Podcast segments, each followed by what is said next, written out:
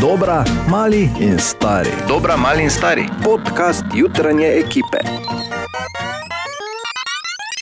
Želimo dobro jutro. Dobro jutro. Dobro Dobro jutro. Ja, danes je že 28. november in medtem ko imamo mi tudi finalne priprave na našo največjo in tradicionalno, eh, že 17 oziroma 18 let eh, trajajočo božično eh, akcijo, ko je božič, naj bo božič za vse. Kako se dobro sliši to, ne? Koliko let že in eh, vsak december in tudi tokrat. S pomočjo podjetij z velikim srcem pomagamo, seveda, in vse detajle našeš na, na, najdeš na našem Facebooku. No, in medtem ko se na to pripravljamo, um, naj samo povem, da ne vem, če ste vedeli, ker veseli decembr se začenja ta teden, natančneje v četrtek, da je kuhano vino starejše od božiča. Kako zdaj? Ja. Ja. Kuhano vino je starejše od božiča, že v antičnih časih. So ga greli? Ja, so zagreli vino, ga uh, tudi, bomo rekli, tako obogatili z poprom, žafranom in kakim listom lorbeka, ki so ga odvrgli. Oziroma, lovorov. Noter.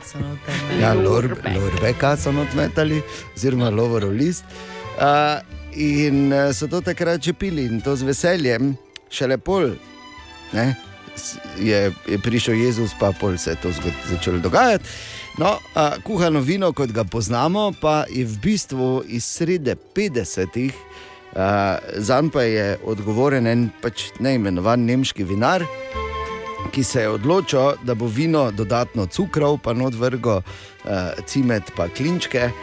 In to vse skupaj flaširal in to tudi imenoval, kot temu rečejo, glühwein, ne? za vino za segrevanje. In od takrat dalje, se vemo, ne? ni zbrdo.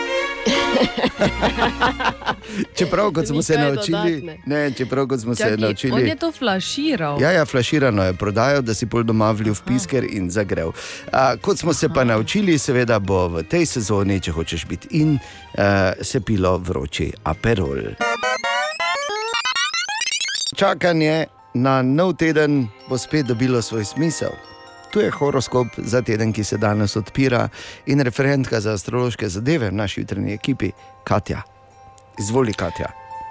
Oven, ta teden vam prinaša dve veliki spoznanji. Včasih imajo tudi stene ušesa, in pa drugič raje počakajte na preverjene informacije, preden obsojate. Bik, ponovno vas bo nekdo postavil v neljub položaj. Čas je, da se postavite zase in spregovorite. Zaupajte vase, čeprav se morda včasih zdi težko. Dvojčka, pred vami je izjemno uspešen teden, vse svoje naloge boste opravili izjemno hitro, in pa tudi osebni odnosi bodo cveteli. Rak. Vas čakajo predvsem novi začetki, prisluhnite svoji intuiciji, ta vas nikoli ne bo izdala. Lev. Izjemno šarmantni boste ta teden, kar pa bo izjemno dobro vplivalo na doseganje vaših ciljev.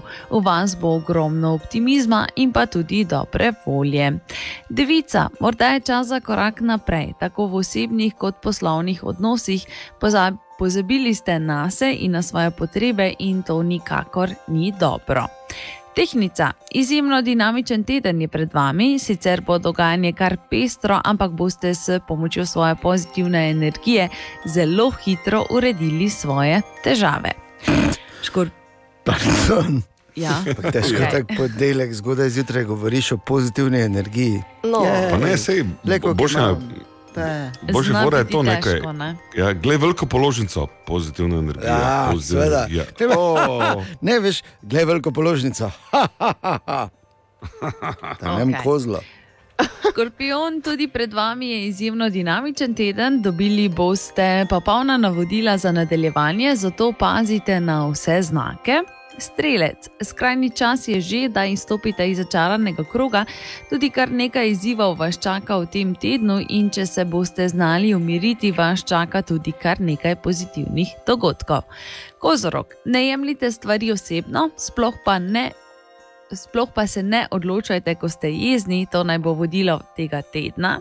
Vodnar, ne posvečajte prevelike pozornosti pomislekom, eh, to je vaš teden, zacveteli boste, ampak samo v primeru, da, s- da si boste upali prav zares prepustiti se energijam, ki vam jih daje vesolje. In pa ribi. Ribice, ste si zaslužili nekaj časa za sproščanje, zaupajte vase in v svoje sposobnosti, in teden bo več kot čudovit. Ja, Prej bo snežila, tako da bom povezal oboje. lepo. Sproščen gledal snežinke, ki plešejo. Opozoril bi, samo, delal, ne? opozoril bi samo na uh, kozoroga, ko je rekla: Kozorogi, vi pa ne. Ne, to. odloča- Ne, ne, rekla je, vi pa ne. Pa daj. Ja, bolje, ko me je začela dalje govoriti. Da... Naj samo povem, če je komu ob tem govorjenju naše referentke za astrološka vprašanja v jutranji ekipi, eh, če, če je kdo zraven postal tako eh, čustveno zamajan, pa nima nikogar, da bi ga prijel za roko, je tu Lady Gaga. Najprej dobro jutro. Dobro, Dobro jutro. jutro. Uh, eno stvar moram zdaj vseeno vprašati, ker več počasi ne vem. Bor, samo povej mi, prosim, danes ne rabim iti na volišče. Ne? A, poslušaj, do nedelje, Nisem Do nisi- nedelje si faraj. do nedelje si fraja. Wow, ker sem se prav, veš, dan zjutraj sem se poten, sem se zbudil. Ne vem, kaj pozabo spet. Skratka, ker do shodimo, se veš, kaj češ. Še enkrat dobro jutro. Dobro jutro. Uh, in vsake toliko, moram reči, imamo z Frasom in Medverjem eno tako interno debato, kdo najde več slovenskih besed v, v kakem hitu. Ne, ne, ne nujno, pač slovenskih ali pa rečemo jim naših besed. Okay? Ja, No, tako. In eh, zdaj moram reči, da vodita, ker mi je Fras poslal. Uh, uh, Čez vikend sta bila pridna, ne? Ja, zelo, zelo bom rekel, ne? ker Fras mi je poslal vprašanje, "Vaj, ti poznaš The Sweet Escape od Gwen Stefani, pa se ga seveda ne. Kdo pa ne pozna Gwen Stefani? No, uh, in se je nadaljevalo uh, v tem uh, hitu, reče Gwen Stefani. Ne, prosim. Ja, Če babčiči, ja, je lepo. Kaj te z Ajvarom? Ona je naša. ja, ja naše je. Še rajši jo imam zdaj, res. Ja. Ne, tako da, toliko o tem. Zdaj se pa začne spet delo za mene. Želimo dobro jutro. Dobro jutro. dobro jutro. Um, in uh, veš, ko ti življenje te vse skozi oči. Ja, to je res. Ja. Tako pravijo, ja. In tako je recimo mene naučilo to svetovno prvenstvo v futbalu. Eno pa stvar, da zdaj res, ja, Dejan, res. ne gre drugače. Pazi, sem ko-. Včasih, ko pogledam po studiu, uh, pač gledam zdaj čisto drugače na možnost, da bi zaposlili kakega Japonca. Samo toliko. O, Tine! Tine, dobro jutro. Ja, dobro jutro. Dobro Dobro jutro. Dobro jutro. Jutro. Zdravo, Tine. Zdravo, Katja. In danes je, uh, pač po, mislim, je en poseben moment, ker po dolgem času sva se s Tinetom ta vikend malo spustila sketne. Res. No, mislim, nisva se zdaj tako spustila sketne, no, ampak tako se pač reče. Se sama se tako ni stane. Res, omenjeno. A si jo slišal? Ja, no, veš, kako mislim. Dobro, lepo, lepo. Ne, vse v redu, vse. Sam sem si kriv, kaj pa tako začenjam. Ampak eh, šla sva v petek na koncert, razprodan koncert skupine Alo Stari. Uh, Sveda, predvsem preveriti, če bo Bobnar v ritmu delal. Ne? Moram ga pohvaliti. Jaz tudi. Res. ene napake opazil. Tudi jaz ne. Mogoče pri frizuri, ampak to ni Dobro, to zdaj neposredno. pustimo malenkost. Ne, bila je neka napakica, ampak dobro. Eh, ampak eh, bilo je res izjemno, mislim, eh, res dodelan nastop, skoraj da malo preveč za punk band, se mi je zdelo na momente. Ampak, uh, alo, Ja, stari, v, v nulo so špirali, Res, tako čisto vse. domače povedano. tako Da, uh, vrhunsko. fajn gužva, metali so se. Res? Ja, Ja, mož pit je bil, tako da vse je štimalo. Ja, vse smo študirali, zdaj nam samo, Ja. Kaj te vem, ne. še zdaj bi tam ležal. Je verjetno res, ker je bilo tako, so naredili črto. Ne, in je frontmen ali stari eh, Tine Gori pač razlagal in je vmes rekel, če ste kakšni mlajši pa starejši, idite raje na stran. Za trenutek je imelo, kdo je star. Po vas smislu. Dobro, da smo na strani vlade. ja. Tako da smo kar ostala na, na, na tej isti poziciji. Ne? Pole se pač končalo, se tako vedno, ne? Da je ni hotel več. Domov iti ali kaj? Ne, A ja. ravno več kontra. Nekdo je sidro metal, veš, ti ne Zdaj, stal ko- tako že pa je suko. Enega, da nič prizaš. Pa ne ti, ker spisaš, prišel domov, sem rekel, ja ne, prišel domov, če s čem bom prišel domov. Če si dve ulici. Jaz pa, jaz pa s krvavimi Ja, okami že. Te ne. pa idi ti po noči, tako imaš par špricarov, to ti dve ulici. Ko mrzlem, ja. Štiri ure hodiš. Ker eno je, da greš poleti. Ne? Ne, jaz pa sem imel že tresoči zgornji veki. Ne, da, Vse sem, skoraj še malo pa bi ga, ful lepo prosil, da en špricaš. Enega še. Ne, ja, pa da pol, pol smo se predala. Ja, kaj sem te hotel, te sem, tako sem, veš, ko imaš. se je predal zdaj. Ja. Ja, jaz sem se predal. Tine si je zapopešil Ja, za enega. okej. Ne veš, ko imaš na tehnici, zdaj, ali greš tu not, pa to ti en pol zna biti tudi 3-4, Sedem, ja. pa greš pol že kak domov, pa mrzlem, ali se pač vseješ v relativno topel avto. Pa si hitro doma, pa ne? Si hitro doma, pa pač še, še vklopiš malo televizijo, pa se zjutraj zbudiš, pa ti pol ni žal, ne? recimo. Samo Tega vseeno, si mi lahko hvaležen. Ne? Ja, Da si mu pretrgal to verigo. Ni pretrgo še. Še, še, še traja. Preskočila je samo veriga. Ja. En glid. Uh, Bor tebe smo pogrešali. res je. Ja, ne moram vse, ne. Kaj pa reklamo, spromoviral koncert. Um, Vse si sam naredil, napisal več kot pol komadov, res je. tako napisal več kot pol komado, pa sem rekel, pa medvero, če bi se on spočil za en špil, ne, pa je rekel, ne, ne. Sem rekel, pa samo špile, kaj zdaj. Ja. E, kot gost pa ti ne hodiš ne, na Ne. te stvari. Pa Prosim, no. Prvo, Se globoko pravičujem. da smo sploh Res. lahko. Ja. Ampak bilo je zanimivo, zanimiva izkušnja, uh, vesela.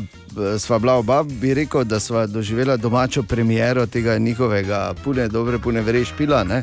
In, um, Lahko bi bila še bolj Čestitke. vesela, samo pač si hotel domov. ne. Pa daj, glej, zakaj je šlo v tej smeri? To? Bi, Jaz, bi, pa, bi pa jaz vseeno, Tine, tebe malo razveselila danes zjutraj, če lahko.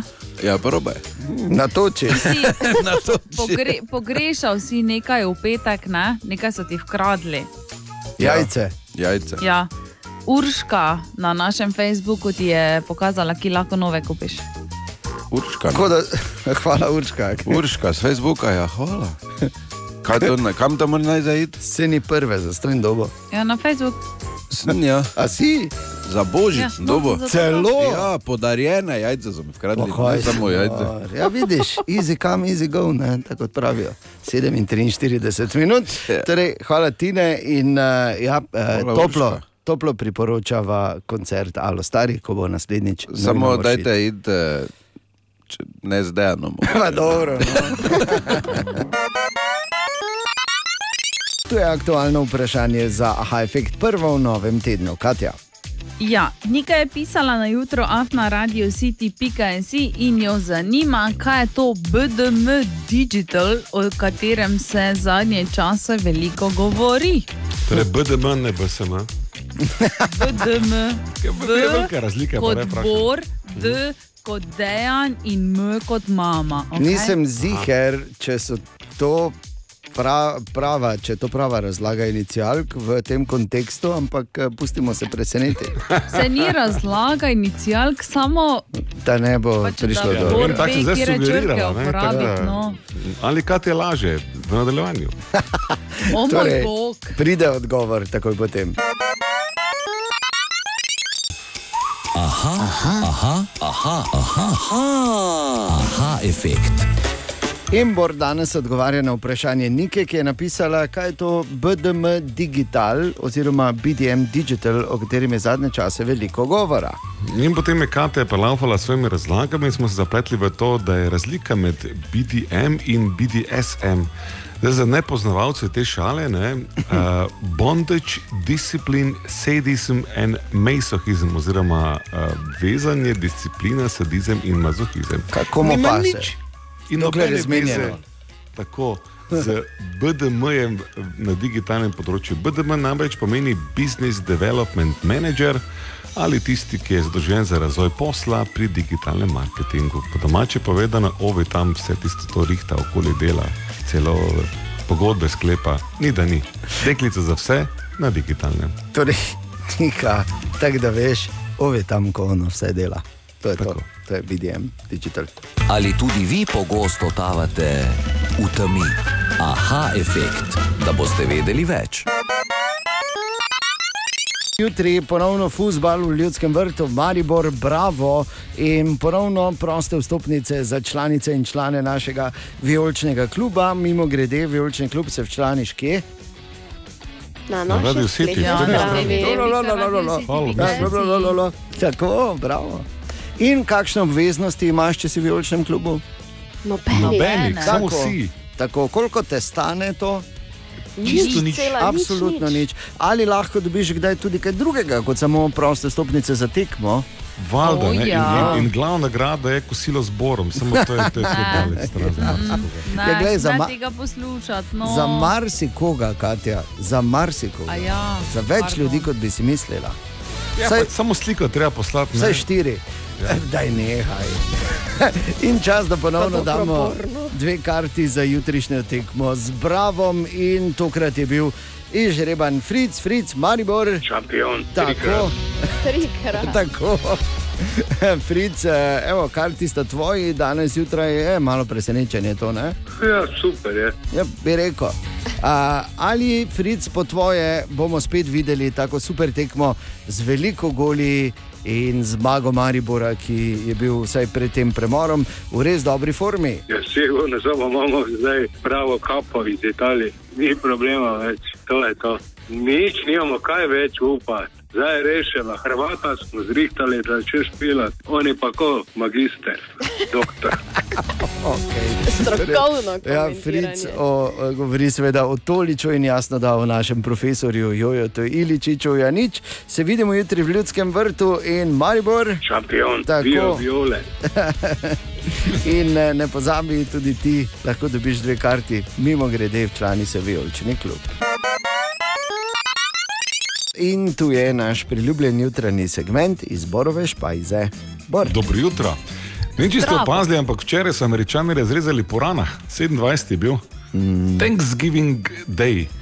Uh, to nam ne pove dosti, ker smo čisto vse praznike ovozili, že tega pa še ne, ampak je pa fajn, da tudi tega malo svetlimo. Ne? Ker če se prav spomnite, jaz sem bil zraven, to vsi vemo, pred takimi 200 leti so takrat prezebli in prestrašeni kolonialisti ali pa bodoči kolonialisti prišli v Ameriko, tam so jih indijanci vzeli medse, jih nahranili, naučili preživeti in so dobili to bogato poplačano s pokoli, alkoholom in kasneje rezervati. Prehladom tudi. Ne? Ja, ni da ni, ne. bogato da so dobili nazaj, Ja, mislim, z obrestmi. Ampak zgodba seveda uh, ni o tem ameriškem izkoriščanju, ampak o tem, da pravzaprav je to edini praznik, ki zelo lepo uh, opominja na to, da moramo biti hvaležni za marsikaj. Ne? Tudi na to, da nas življenje uči skozi zelo surove lekcije. Tako da jaz si pač predlagal, ne, da če smo že vse butaste praznike ovozili, ne, pa tudi božič ne, na nek način je med uvoženimi prazniki, ne samo Valentinom in tako naprej. Kaj? Seveda, da Jaz samo je. povem, kaj je res, ker Dejan in jaz, ki smo bila zraven tukaj, ko so Kelti prišli ne, in smo za staro selce. Jaz sem še bil mali, se ne spomnim. Ja, ni bil še mali, jaz sem bil že kar no, precej star, ne, se vemo. vemo, da tudi um, krščanski prazniki so samo premazani poganski. Tak Tako. Da, na koncu dneva ne, je morala ta praznik je to, kar si iz tega, iz tega narediš. In nič ni narobe, če sediš za mizo, pa si malo hvaležen za stvari okoli, ne, ker itak vemo, originalno je človeštvo eno živo sranje, ampak to, kar pa z tega naredimo, ne, to pa nas mm. potem dela ljudi. Jaz pa eno drugo moralo tu ven uh, vidim, oziroma vlečem bor, ker si začel s Thanksgivingom. Boš ne? rešil s tem in Ne, ne, ne, misliš? to in s tem, kako so v bistvu uh, dobili Indijanci bogato poplačano. Naj samo povem, da v bistvu Američani niso nič drugega kot Evropejci, ki so se pač tja preselili. To je prvo. In zdaj, stoletja kasneje, v bistvu, ko nas svojo zunanjo politiko v bistvu nam eh, na franže eh, režejo tudi našo prihodnost, skozi vse, kar se ta trenutek dogaja, smo si v bistvu sami krivi. To pa samo zato, ker samo najslabše vum pošiljamo, pol pa Ampak- dobimo nazaj v obraz. Tako. Ja, ne. Ali pa če pomisliš drugega zornega kota, ne, kako smolo so imeli, da jih niso indijanci potamnili tam. Pa do. Pa do. Ja, dosti tega bi bilo drugače. Ja. Dobro jutro. Dobro jutro. A, ne vem, če veste, danes je torej torek po kibernetskem ponedeljku, ki sledi črnemu petku. Ne? In ta torek se imenuje, in to že desetletje, štartali v Ameriki, ki je pa drugače, Giving Tuesday, da veš. Da, da narediš nekaj dobrega na ta dan. Ne? Zdaj, če se je to že zapravljalo za brezveze, da zdaj. Uh, in pa se razmišljajo, res je to lahko, dejansko samo v Ameriki. Ne? To je tako, se mi zdi, da veš, ko, ko imaš eh, uh, kip človeške norosti, oziroma veš nekaj, en spomenik človeški norosti, pol pa mu še krono gordaš. Mm -hmm. Tako, evo, zdaj pa Giving Tuesday, ker zdaj pa, če bomo pa dali naredili kaj dobrega, pa bo čist vse v redu, Vse kar smo naredili slabega, v, oziroma pač neprimernega v teh dneh. Tako da, to je približno tako, kot, kot so v Angliji imeli, no se še danes se temu reče Boxing Day. Uh, takoj po novem letu, ko so imeli te velike zabave, ti bogati in plemiči in tako naprej, in so ful žrli in jim je ful ostalo. Uh, narod pa je jasno, da umiral od lakote okoli. Ne? In pol so hrano dali v te škatle in so šli med revne in pol razdelili ostanke. Kao, ne, Boxing Kaj Day. pa Pa, pa to ti prijazni. pravi. In približno tak je ta dan danes. Samo pač po, po enem razmišljanju, seveda pa je prav, da bi bil Giving Tuesday, kot mu pravijo, oziroma da režljivi torek, pravzaprav ne samo vsak torek, ampak vsak dan, pa ne govorimo nujno o materialnih stvarih. Web, web, web, web check. Torej, Katja, dobro jutro. Dobro jutro. Dobro jutro. Ameriška prva dama Jill Biden se je odločila, da bo tokratna tema božične okrasitve uh, Bele hiše We the people, oziroma mi ljudstvo ali mi ljudje. Ja, lepo. Ja, In kako to zgleda? ja tako da imajo 77, 77 božičnih dreves noter, Res. pa 83 tisoč lučk. Pa iz eh, cukra narejeno belo hišo, mm. pa bele kroglice iz stropa visijo. Oziroma, z Ne drugimi, vem. z drugimi besedami, tako bi izgledal naš studio, če bi imela dovolj velik budžet. Ti, O, ne? ja, oh, oh, oh, ja, ja. Nekaj takega. Ja. Uh, potem uh, ženska iz Floride, že A, mimo grede, samo naj povem, da za vse, ki ne vejo, Katja je naša uradna okraševalka tudi. Ne? In kje so okraski? Kje se bo počasi? kolegica? Bo počasi. Ja, Da zjutraj Pač pridem, pa šest nič ur ni. naprej vklapljam. Se začne. Pod mizo, no, ter E, Res je, tako Ja. gre, tako gre. Mi imamo včasih tako, da ko gre božiček, mimo reče, da je no. Malo preveč, mislim, da imamo malo neki. Ne? Dajmo, prosim, v sklopu energetske krize letos to narediti. Ja, sej bomo, tako ali tako je zmenjeno. Lučke, ena- lučke goni bor, dinamo. Če so led lučke, goniš? zdaj najbolj porabijo. Ja, ne, ne, pa tudi uh, drugače bomo zrihtali. Ne? Ta- bo šel do tvoje dnevne sobe. Okay. Tam bo uh, na, na Rotoškem trgu, oziroma na, gla na, Rotoškem trgu. na Dobro. glavnem trgu bo uh, to kolo, ki bo ne, ta. Uh, Ta vrtiljak, v bistvu no, to uh, panoramsko kolo bo poganjala sončna energija, pravijo, uh -huh, lučke uh -huh. pa pač bor pri nas. Tako. Tako. Uh, potem ženska iz Floride toži podjetje Kraft eh, za 5 milijonov ameriških dolarjev. Zakaj? Zato, ker je na embalaži od mac and cheese, torej ja. tega Makaroni in uh, sir. Sir, ja, a, je v bistvu eh, naveden, ni naveden pravi čas priprave v mikrovalovni. Ona je potrebovala več časa in zato Ona toži. Zdaj toži za 5 milijonov. Okay. Ona ima deklaracijo vse v svojem jeziku Upam. napisano. Ne? Upam, da bo, um, da bo dobila, ampak da ne bo dobila denarja, ampak da bo dali toliko to teh makaronov, ko so ja. ogabni, v bistvu, zdaj kdo je to že probo, jaz sem. Bleh. Uh, in da jo bodo zasipali s tem zaradi norije, vse ne Ja, drugače, ja. samo zaradi norije. Res je. Eh, Potem nekdanji predsednik vlade Miro Cerar bo postal dedek. Tako bo, gled, a ja ne še, bo, bo res preskočil eno fazo evolucije. Pa dajmo. Uh, in pa Elon Musk je povedal, da naj bi serija The Simpsons predvidela tudi njegov prevzem Twitterja in sicer že leta 2015. Eh, Gre pa v bistvu za um, epizodo, ko Liza uh, Je. krmi ptiče.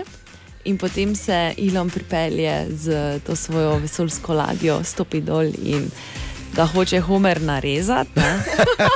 Na kar Tako. pač Liza reče, ne, to je največji, oziroma to je eden izmed največjih raziskovalcev tega časa, pusti ga. Ja. Ja. In to naj bi bilo to, sej, veš, vsak lahko stvari razume po svoje. Ja, zato, ker je ptičke hrana. Ja, ja seveda, vse ne. jasno. Ampak eh, je pa tudi res, da sem jaz nehal, ker je to res prav strašljivo. Ja. Se sem nehal Simpsonove gledati že par let nazaj. Iz preprostega razloga, ker me je enostavno strah, kaj vse bom tam not videl. Ja. Se strinjam. Ker vemo, da smo tako pomembni, da bi dejansko se z nami ukvarjali pri Simpsonih. Ne? Če kdo pol mi. V naši, v naši mali državi, v našem malem mestu, v naši mali ulici, vse veš, kako to gre. Webcheck. Še enkrat dobro jutro. Dobro jutro. In lepo pozdravljeni, opala. Od te adventne nedelje, prve adventne nedelje, ki je bila, je čist drugače. Ne? Že Čisto greš, je drugo je, bolj, ja. malo bolj mrzlo, malo že gledaš gor, ne? malo že štohaš v kamin doma. Ne? Vidiš, če je fraj, mislim, pač, če je, ne? če, če niso notri, niso kune naredile ne? tako imenovanega raufang dekla. Ne? In, To že Ja. en čas štohamo. Štohaš? To bom rekla. En čas že štohamo. Ja. Tako pri naših letih je to normalno, ne, da rečemo. Je pa res, da uh, je ta božični čas seveda prepreden številnimi krasnimi stvarmi. Ena od uh, bolj zabavnih in hkrati teh z dobrim namenom pa je tudi, ko na, uh, na vrata katerega od podjetij z velikim srcem potrka ali pozvoni kak čudak, včasih čudakinja, včasih prideta celo v paru. Na tako imenovano siti božično kontrolo. In v naši največji dobrodelni akciji, ko je božič, naj bo božič za vse, ki se začne v ponedeljek 5. decembra, bomo počeli prav to. Božič bi moral biti čas, ko se ustavimo, obdamo z ljudmi, ki jih imamo radi in preprosto uživamo v najpomembnejšem, kar imamo - ljubezni, miru, povezanosti.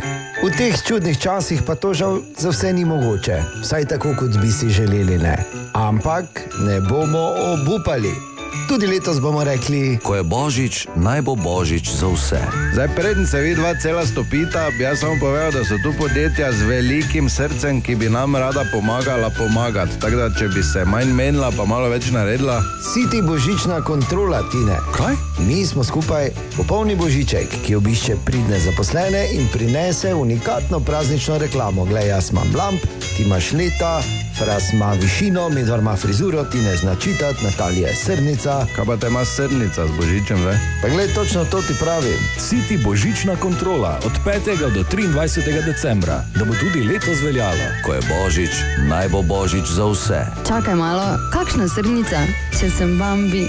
Nadalja, prestara si za bambija. Pa daj. Posod je to, ne? posod, posod je en kanček, en drobec resnice. Vedno zraven. Tako da, ja, petega začnemo, naš naslov je Bozica na radio CD.js. Ali pa, če te karkoli s to akcijo zanima, ali bi pomagal ali pomagala kakorkoli že, eh, lahko pokličeš tudi servis 211. Ena od treh, treh, treh. Jutranji sprehod po zgodovini popularne glasbe. E, in danes se ostavimo pri še eni pop senzaciji iz otoka, iz, ja, bomo rekli tako, 90-ih oziroma iz preloma tisočletja, ali pa 90-ih, skoraj da malo bolj. Takrat je namreč eh, bila izjemno, izjemno popularna pevka z imenom Dezri. In kar je zanimivo pri njenem glasbenem razvoju, in to je samo še ena potrditev, vse je odvisno od moških v vaših življenjih. Se mi je, okay, do konca se mi je obrnilo, za Če pa bi pogledali, klali, ne, bi zdaj bil v studiu ena masaker. Ne, Ja. Samo povem. Tak Da, ne, ampak če za res pazi, ko je bila stara 22. Je bilo to v začetku 90-ih, pa ni imela nobenih vez, pa poznanstev, pa ničesar. Ampak je, je rekla svojemu fantu, čuješ, kaj bi ti poslal moj demo na založbo. Ja, ok, na je pošto je, rekel, ne, so ne, tajna. ne, ne, ne, ne, ne. In je, on jo je spodbujal, on je rekel, seveda bom, kje imaš, zakaj še nisi posnela, kaj še kaj moram res vse. In je pol vzel in je nesel na založbo. In je založba poslušala, in so bila je to založba Sony, in so potem uh, takoj z njo podpisali pogodbo. Pol ga pa je dala na šuh in tako kot pač je to, ker dobrota je vedno bila in bo sirota. Čakaj, zdaj, kje je ona pomembna v tej zgodbi? Ker Ne. zdi, Katja, kako ne razumeš? Če pa Bomo, se ni pridemo. Seveda je, se pridemo tja, ampak samo hočem reči, da je to pač ena ta grenka zgodba življenja, Mhm. uh, ki za nekoga dobra, za nekoga malo manj dobra. Ne? Ampak Dezri je imela res izjemne hite v 90-ih in takrat bila. Dobila ob koncu 90-ih celo najprestižnejšo angliško glasbeno nagrado Brit za najboljšo solo izvajalko, zahvaljujoč hitom, kot so bili Live.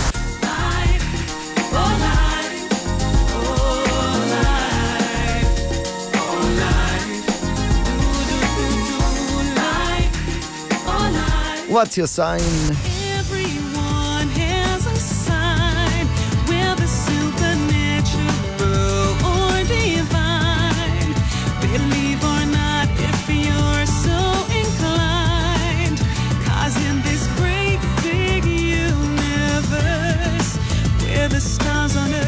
In pa recimo z svojo fenomenalno balado, ki jo je zapela za, Romea, za film Romeo in Julija z Leotom DiCapriem v glavni vlogi. Cause I'm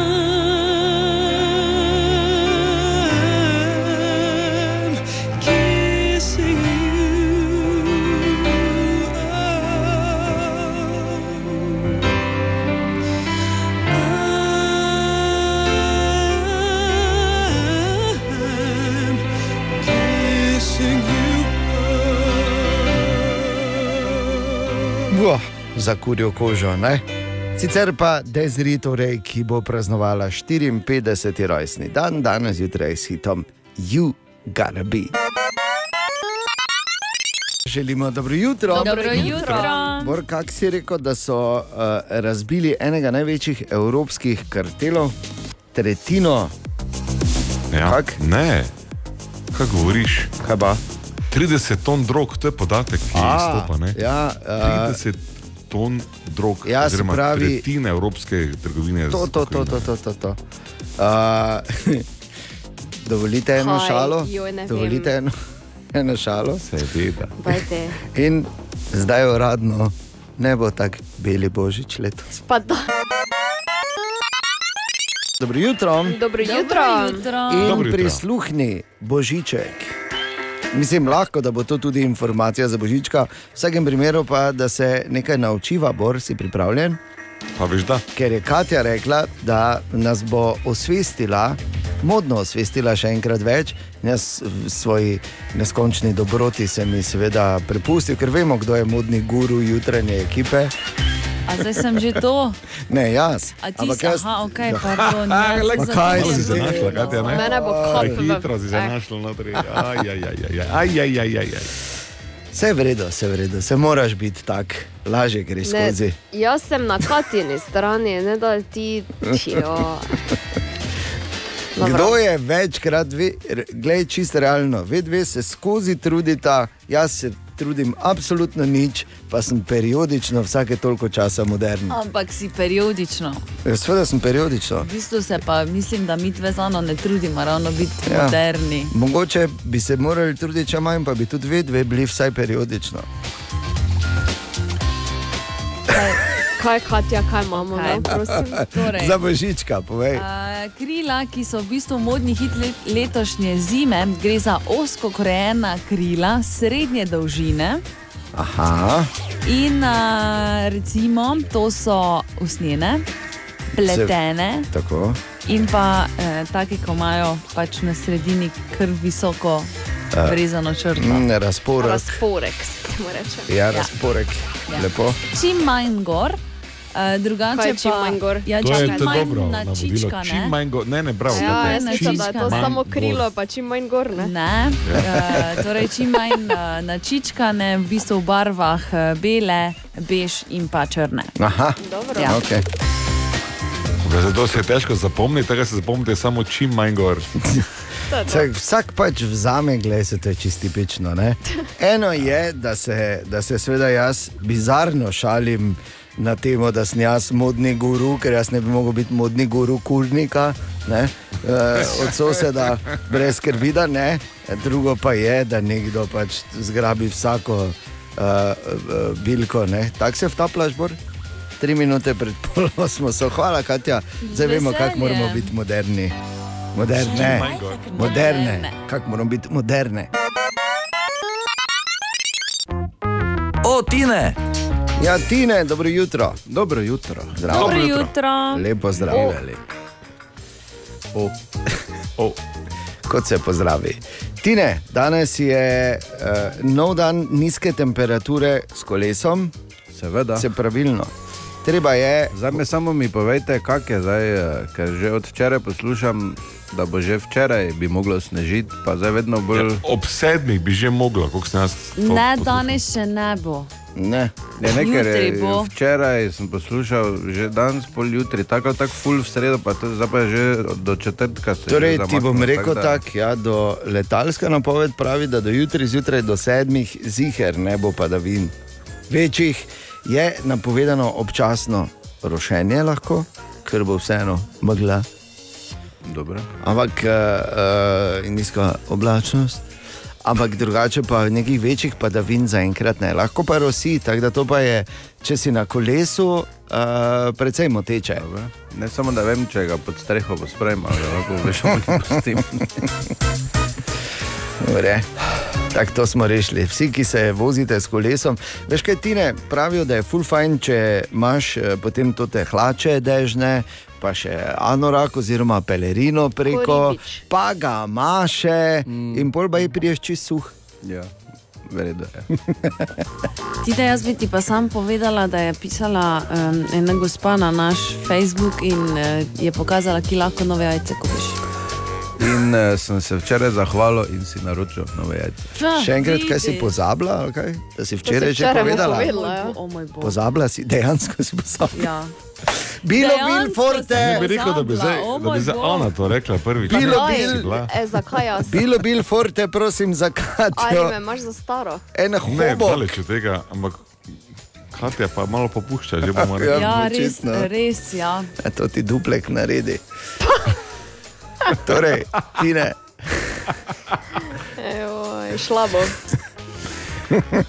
Odselila bolj se bo nazaj. Zakaj vi vedno čakate, da prije moj termin, da se vi med sabo lahko? Pa se najboljše, najboljše stvari se zgodijo tudi. Samo vprašal sem, vprašal sem, kdaj bo sneg. To je vse, kar sem naredil. Ampak gledaj, kako se ti posvetimo. Pa smo prišli, je pa smo tu. prišli do katinega popuščanja.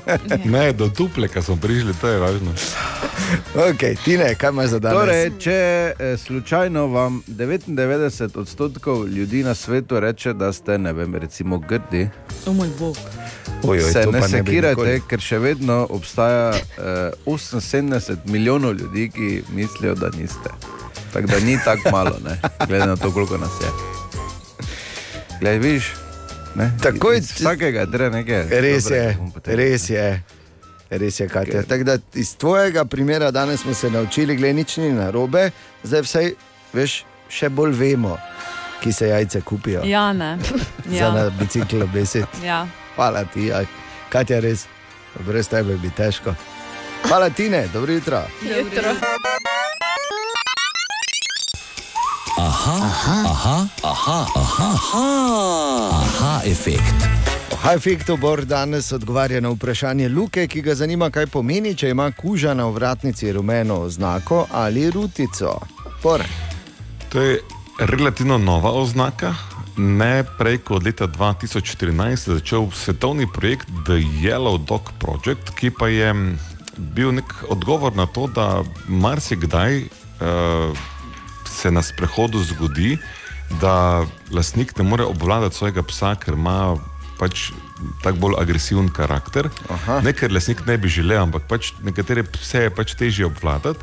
In je takrat padla odločitev, da bodo take eh, pse, ki iz tega ali onega razloga se jim ni dobro približati, ne, torej Označili označili za tako rumeno oznako. Zdaj, nekateri imajo to rutico, nekateri imajo to na povodcu, nekateri imajo to na vratnici, ampak rumena oznaka, mašna, pentlja, značka, karkoli rumenega, sporoča um, okolici, da njihov prostor potrebuje, mislim, prostor, Njihov njihov kuža potrebuje prostor. Zdaj, lahko je to iz tega ali onega razloga, ne, ker se je to gibanje že razširilo, ampak to preprosto pomeni, ne približujte se psu. Ok, in morda samo še predlagam, da bi naredili malo več za osveščanje na to temo, ker eh, mislim, da si danes skupaj z Luko, ki je postavil to super vprašanje, eh, sta naredila več za informiranje javnosti o teh rumenih ruticah oziroma rumenih oznakah, kot verjetno zdaj so v letih uspeli do zdaj, ker jaz še tega absolutno nisem slišal. Velja, saj velja, velja tudi za ljudi, županske kandidate, mogoče? Ne? Ali tudi vi pogosto totavate v temi? Aha efekt, da boste vedeli več. Še enkrat želimo dobro jutro. Dobro jutro. Dobro jutro. 29. november, bolj se spomniš. To je nekaj iz naše zgodovine, veš, da pač. Ker vseeno, uh, vi mlajši tega niste poznali, ne? ampak mi smo na 29. november doživeli enega od večjih preskokov v smislu odraščanja. Uh, postali smo pionirčki, ne? se spomniš? Kaj je to bilo, Bor? Če pa si besedilo dal? pesmi v zadnjem na pamet, ja. poznam še, še vedno. Ne? ja. Godine so prošle pune muka, Ja. ginulo so za svobodo njemu. Dobro. Ampak nisi, ja, ja. Ampak nisi v bistvu, um, v, to, ni bila, to ni bil del prisege, ne? ampak bila je ta ne, prisega. In pol smo dobili, mislim, to je, takrat je to bila čast, ne, da si dobil rdečo rutico in modro čepico, in takrat je, si Ja, postal. pa se mi smo imeli to prisego v slovenskem jeziku. Seveda smo, ne. ampak hočem Eh, povedati, da je- Postam pionir, dajem čast na pionirsko. Ja, in tako dalje. Um, in eh, to so še zdaj veš spomini na hrenovke, ki smo jih dobili potem za jesti, na, na čaj iz uh, kovinske šalice. In na ježeka, ki smo ga dobili, veš, tisti čokoladni ježek, mm. ko je bil. Ble. Ampak, ok, nikoli nismo imeli tega rada, ampak vseeno je to bilo nekaj posebnega. In takrat smo potem postali šele na nek način polnopravni člani eh, družbe in eh, vrstnikov ter eh, eh, sošolcev na osnovni šoli. Predtem smo bili cicibani, predtem si imel samo rumeno rutico, Pff, kaj mali, niti pionir nisi, razumeš? In tako si moral skoraj tri mesece hoditi v šolo s tisto rumeno rutico, pol pa si dobil rdečo in Tako. Modro čepico. Zlikana je bila vedno, ne? to se spomniš, kako smo klikali. Ja, ja, ja. Rutica biti da- zlikana, In o. pol si mogel imeti belo srajčko ali pa puli in uh, modre hlače. To je bilo nujno, da si bil tako opremljen. In pol smo bili vsi isto, kot Kitajci smo bili, v bistvu sem se zdaj, zdaj pomislil. Na tisti dan, seveda. Ampak ja, to se je zgodilo na 29. november, zdaj smo se vsi skupaj malo spomnili, kaj češ, pa gremo dalje nazaj v realnost. In še enkrat več odprtih oči skozi naše mesto gre Jaša Lorenčič. Jaša, dobro jutro. Zdravo. Servus. Po mojem ga vsi poznamo, ta ne samo izraz, ampak občutek. Kocine po konci, roke v luft, švic dol po batiču, da ti pol naš in vaš dejan po špilu reče: Kako je pa tebi delalo, kaj si te nisi z balkona dol vrgo? Gre za ultimativno priznanje v našem mestu, za legitimacijo, za potrditev, za zmago. Ko zaslišiš,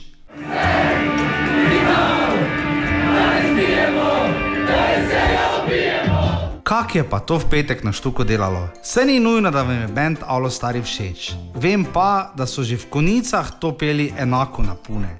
Pa boj da slo v rovtah, pa še marsikje po državi, kjer sicer najbrž mislijo, vse si lahko mislite, da vse stavke začnemo s čuj, ampak trofijo pa v nulo toto našo, no to.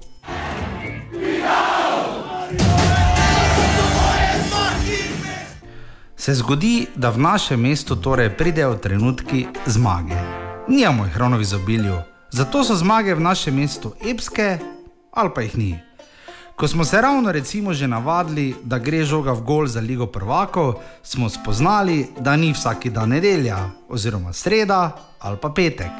Kot je bil recimo ta, ko vidiš tipa, ki se na štuku vrže dol na folk, on jadra, boli ga briga, še malo jadra, pol ga folk vseeno vrže dol, oj pade na glavo, ono grdo, špegli po tleh, sih na poden, pa najde ti špegle, se pobere, pomiga in dvigne roke. In gremo dalje, ker ja. Saj vem, da je tak najbrž marsikje, ampak da to narediš tu, na špilu benda, ki se je prebil z novim komadom na playlistu v ljudskem vrtu, e, to pa je nekaj. Ni čudno, da pa je celo velja, da če ti bo ratalo v Mariboru, ti bo ratalo tudi v New Yorku. Samo tam vseeno ne vejo, kak je, ko slišiš.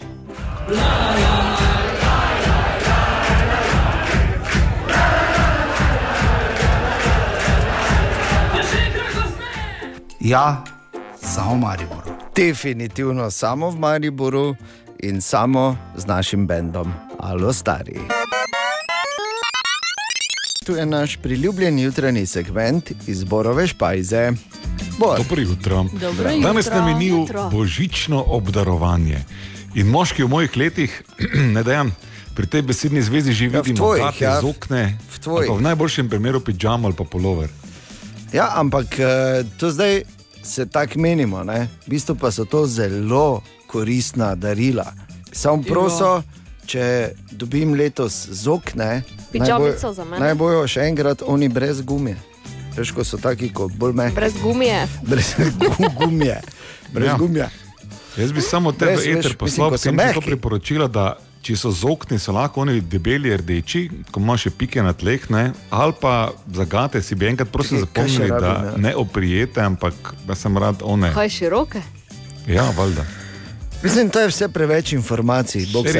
Oj, srce, to je vse, Je pa uvod v eno debato, kjer se zdi, da v teh eh, časih krize, ki že trajajo 850 let, ne, ni slabo razmisliti, da bi postavili neka taka temeljna pravila, vsaj znotraj družine, jaz bi pa se to celo tudi zunaj družine. Recimo, Jaz primer, imam en temeljno pravilo, ki bi ga kar takoj prijavil. Gate, gate se ne štrikajo.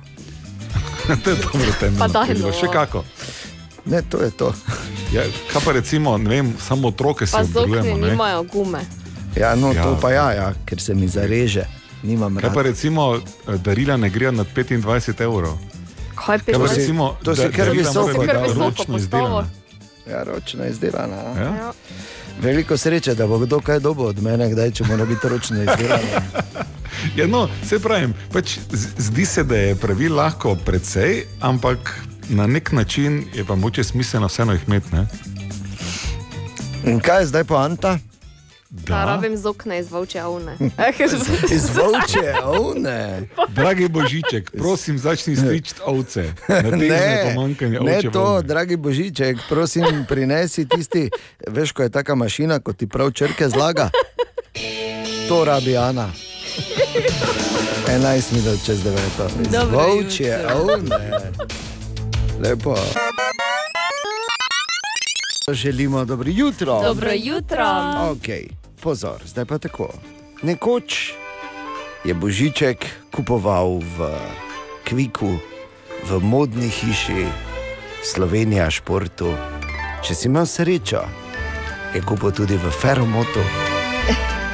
Danes Božiček kupuje, če je pameten in bi rad hitro, še pred decembrom, danes je 30. november, rešil božično zagato, danes torej gre na Eventim in poišče božični stand-up z reporterjem Milanom in Gorazdom Žilovcem. A božiček pozor, zmanjkuje daril, tako da se poštelaj.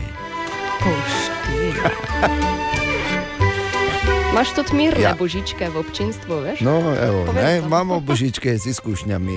Tako da.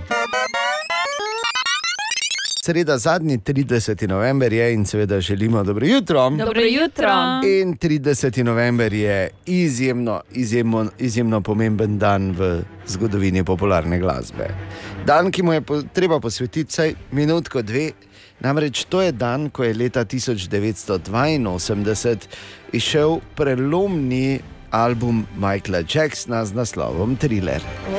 Thriller, ki še danes torej velja za seveda, uh, najbolje prodan album vseh časov.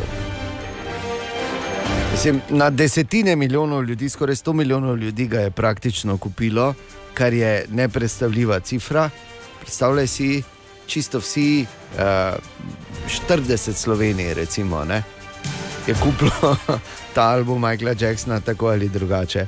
To je album, ki je ne samo ponudil nekaj res izjemnih hitov, o tem več kasneje, ampak to je album, ki je z, v bistvu eh, šel preko glasbenih meja in uh, naredil iz videospotov uh, čisto pravo uh, obliko umetnosti. Predtem so videospoti veš bili tak. Tako da zdaj nočem to omenjati, ampak pač moram kot primerjavo, recimo tako zdaj. Ko imaš eno sodelavko, ki sodelavce nadleguje z uh, družbenimi omrežji, oziroma konkretno s TikTokom, pa tako nekaj posname, pa sem pa tja. Tako so bili včasih video spoti. Čutljivi. Ne, samo pač A razlagam. prava zvezda tam na Ja, TikToku. totalna, totalna. In tako je Michael Jackson potem prišel za svojim albumom Thriller in naredil cele, eh, skoraj da celo večerce iz svojih videospotov, sploh videospot za, za naslovni hit je bil, je bil res izjemen. Um, to je bil tudi album, ki je prinesel Moonwalk, legendarni Moonwalk. Ne vemo, kaj je Moonwalk. Seveda vemo. Ko Michael Mhm. Jackson tako gre Mhm. nazaj, hopa, hopa, glej, kaj pa jaz. Kaj pa jaz Moonwalkam, gled to, ha, dobro, da smo radio, gled to. hopa. Čuješ, kak, čuješ, kak šopam? Katja, to bi lahko posnela. Pazi, nimam tihega. Se Čakaj. je čulo, kak, Ja. to je zvok, di- ne zdaj snemati. Ne, Daj ne. še enkrat. Ne, kasneje mogoče. enkrat. Ne, kasneje mogoče. Lahko? Še enkrat, okay. daj. Ona dva se zdaj, samo da komentiram, dejansko snemata vmes. Jaz bom pa kaj pametnega povedala, medtem ko ona dva munu. Ok, no skratka, uh, Michael Jackson, Jo. pride, kaj je smešno. Ne? In vse to na TikToku. Seveda, Vedlin. ne, hvala Seveda, kmalu. Torej, eh, na albumu Thriller, hiti kot so denimo bili Biret.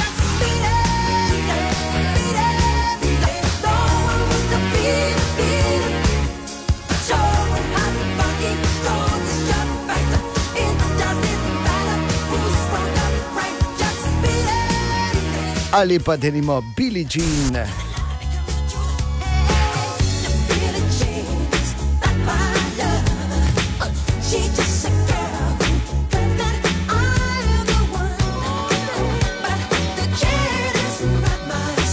In pa jasno, da hit Thriller, ki je z svojim videospotom, kot sem dejal, res zakoličil ali pa začel eno novo dobo uh, te video umetnosti, video glasbene umetnosti. 40 let je torej star, najbolje prodan album vseh časov. Web, web, web, web check. Ja, Katja, dobro jutro. Ja, dobro, Dobro jutro. jutro. Dobro jutro, Katja. Kaj pa te? Ja, nič, Kaj malo bi imaš? vam povedala nekaj, ne? Kar se dogaja v svetu slavnih. Recimo Antonijo Banderas je rekel, da bi bil Tom Holland izvrsten Zoro. Ja. Kar pa, mislim, originalni zoro, kot to reče, vse Ja. nekaj velja. Ja. Kar pa seveda ne pomeni, da ni preden so stisnili rekord rekel, v bistvu, da bi bil izvrsten zoro uh, dejan in Aha. zorotovega fotra bi pa super lahko špilo borš. Ja, recimo. je absolutno vse narobe, jaz se upravičujem. Kaj? Ker tudi zoro imate. Ja. Ja, pa zakaj bi Ja, ja, ata? valjda, da imate. Ker je starejši, zakaj? Dobro, snata, da nisi Halo? stari oče. Saj Ne, se kaj Ja, saj si stari oče, v bistvu. Tej, Ne? da si v bistvu res dedek. Če rabite še kakšne črke. O ja, vedno. Ne, Črke vedno Ana, ne, plac. ne, ne, ja, ne, ja, ne, ja. ne, že zmenjeno. Oh, ja, samo brez Ne, ne. ne. Vsi smo mi bratje in sestre. No, si ti, Katja, veš, da si Mhm. v krogu. Jaz vam samo govorim tu, informacije vam dajem. Tako. Eh, Med drugim Jennifer Lopez je povedala v zadnjem intervjuju, da je po zadnjem razhodu z Benom Affleckom, to je seveda bilo 20 let nazaj, da ne bo zdaj kdo v kakšni paniki, Ja, ok. da je takrat mislila, da bo umrla. Absolutno. Tako žalostno. Ti In ne gleda bi- zlomka, da ni. Ne? Ne, če ima, no, ampak veš, če imaš nekoga kot je Ben Affleck, ne, ali pa Ja, Bor, nekoga kot je ali pa J.Lo, Bor, ne. recimo, ali pa ne, veš, da ti res srce ti komaj kaj dela, ne, če imaš ta odtegljaj te vrhunskosti. Bor, to je Gremo bila pohvala, če ne Razmisliš? procesiraš. Zahvališ za kompliment in greš dalje. Tako. Gremo dalje. E, Študije so ugotovile, da glasbeniki, ki izvajajo death metal, uporabljajo v bistvu enake tehnike za vokalizacijo kot detopiri. Da nehaj. Ja. Torej, ti so.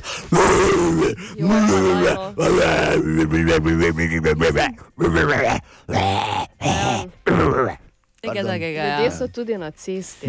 Se pravi, čujem. In ob tem uh, bi samo razveselila še vse oboževalce Metalike. 14.4.2023 namreč izdajo svoj nov album. Yes. 72 Seasons, Tako. ki ga mimo grede že lahko prednaročite. In kdo ga je prednaročil že? Ja, seveda, Dejan Vedlin. Tako je. Yeah. Kaj ti veš, to vse na internetu piše? božička? To vse piše na internetu. Vi samo me imejte radi. Webcheck. Želimo dobro jutro. Dobro jutro. In pozor, Ja, eno, jutranja ekipa. mislim, noro, pomembno vprašanje imam za vas. Izvoli. Zanima me, kdo je letos že pogledal svoj prvi božični film. Okay. Ker, po, ker na, To. naj nekdo drugi To je povede. odgovor. Kaj ste res tako slabi? Ja. Jaz nimam časa dihati, ne filmov gledati. Mm, ja, se pridružujem Ani, ob tem bi vseeno rekel, da mi je uspelo narediti to, da sem imel že v Bani Top Gun maraton. 2 nič 22 To se cilj, je to pomeni, da slabo čulo. Ja, res Ja, je. ja. Češ Ampak to glej, gan maraton smo Vzameš bani. novega, pa ga malo pogledaš, pa pogledaš celega starega, pa novega še enkrat. Ja, ja. Okay. Dobro, s tem se ne morem kregati, razen prostor, kjer si gledal bana, Cel je razmočen. Po... celi skupaj tegen, bor ne bo pomagalo. Ne morete tako skupaj Najprej se voda toči, pa gledaš, ne, pol si noter, pa gledaš, pa vodo dotočiš, pa do konca pogledaš. Okay, vse, ne bom preveč si razlagal. Naj samo povem, da je Bor povedal iskreno, da je njegov. Um, to zdaj se opada, ampak smo se prej pogovarjali, da je gledal ta zadnji film od Georgea Clooneyja in Julie Roberts. Ta, rom- to romantično komedijo, ko se ima hčerka, ona dva sta ločena, pa, pa se ima Mhm. hčerka hoče poročiti na balju in gre sta tja z namenom, da bosta razdrla to za roko, potem se pa ponovno zaljubita. Vidiš, tega pa jaz nisem. Nisi gledala. Ne. Taki rahli spoiler, alert ne je bil slab, ne pred tem zadnjim stavkom bo dobro. Je, ker če kaki bo, ne pa- bi? povedal. pa kaki bo pa konec pri romantični komediji. A ne vem, ne, pardon, ne, pol pa je on dobo eno bakterijo, meso jedo in so ob ognju gledali, kako razpada. Tak je bil konec. V redu? Ne, ni bilo tako. Okay, Katja, naj odgovorim na tvoje vprašanje, ker sem edini resen, Ja, edini še. okay. Torej, uh, absolutno ne, absolutno nisem. absolutno gledal. prehitro za kaj takega. Kaj prehitro? In ab, oprosti, samo svoje mnenje razlagam, se upravičujem. Ampak, kot vemo, pa tudi obstaja samo en božični film ja. za Dejana. In to je Deadpool. ne De Deadpool se gleda pol, Deadpool se gleda pol in večkrat. Ampak Čakaj, ja, jaz samo en vedno, vedno pozabim, ampak Ja. ni prav božični, neki toti akcijski Ja, pa to je je, to. zato Ja, ker tako. se na božič dogaja. Tako, bravo. Podoben je Top Gunu. Ne, ni, ker ni avionov. Samo ne. da en čela minuti igra. Ne? No, Ja. daj. John McClane je njegovo ime v, uh, v filmu. Ne? V seriji, pravzaprav. Je seriji filmov, ampak zdaj prvi je tisti pogojno drugi del. Ne? Ampak mm. Prvi del je. Die eh, Hard. Da, tako, bravo, Daj, Katja. Joj. Die Hard, edini pravi božični film, film, ki ima vse, ki ima akcijo, ki ima solze, ki ima emocije, ki ima napetost, ki ima uh, čudovite, čudovite uh, kvote notri, glej, oziroma citate. Citate, Krasno, glej, lepo, vrhunski igralec, dosti bos, dosti v spodnji majčki, da še bo všeč. Mislim, veš, kaj ti hočem reči, tako, vse za vsakega. Nič ne more premagati Skratka, na- Potterja. In Evo, smo no. zdaj zaključili. Skratka, nihče še ni gledal božičnih filmov. Jaz, se, jaz sem gledala. Ja, bo to, to, Ja, jaz sem svojega prvega pogledala. Katerega? že. Kaj pa ja? Noel Diary. Oh. To je neki novi. Tak, eh, s- Ne uganem, na koncu vsi dobijo meso, jedo bakterije. Pri, Točno to, ja, kak si vedel, bo. in jih pri ognju gledajo, kako umrejo. Ja, bravo, super. In če že, imamo, če že imamo to temo, je čas, da prvič v novi sezoni na vse zgodaj zjutraj poženemo jelenčke. Ena od treh, treh, treh. Jutranji sprehod po zgodovini popularne glasbe. In tako se danes ustavimo pri še eni legendi, ki je v 80-ih in v 90-ih premikal neke meje, sploh v 80-ih se mi zdi.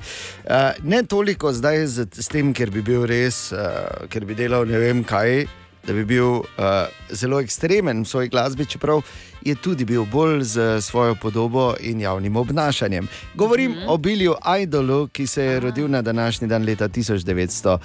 55 in praznuje seveda 67. rojstni dan. E, njegovo pravo ime je William Broad oziroma Billy Broad. E, se, ne, se ne sliši tako dobro kot Billy Ne. Idol, ne, definitivno. Ne. Torej, jaz, jaz, ko reče nekdo Billy Idol, jaz v življenju ne bom pozabil ene scene, tam bilo je v. Začetku 80-ih ali pa nekaj takega, in uh, je bil en nek obisk, smo imeli neki neki posnetek bil na, na, na televiziji in ko je on v, v enem od svojih hitov, je veš, tako si malo pljunil na obraz, pa si tako razmazal, kao, ne, kot "Eh, kaj je, kaj mi boste, jaz sem punker. Uh. In kako so se to pogovarjali takrat, uh, prijateljice, pa mama, kako to, pa to je neverjetno, pa hu, danes je to smešno. ja, ja. Ampak ja. šta- Ima on to ima v enem videu. Ja, tam pravim ti tako. In 40 let pred tem, oziroma 40 let nazaj, pa je to bilo kar, ne? Ali pa ne vem, 35, tako da smo kar daleč prišli. Uh, Billy Ja, Idol lahko je si pluvamo v roko in razmažemo po obrazu. in je komod in je vse v redu. Enim je celo všeč. Skratka, številne hite je nažgal Billy v teh 40 letih svoje kariere, govorimo o glasbi, jasno da. Ja, A, in- nismo drugače Tako, razumeli. hiti kot so Denimo Cradle of Love.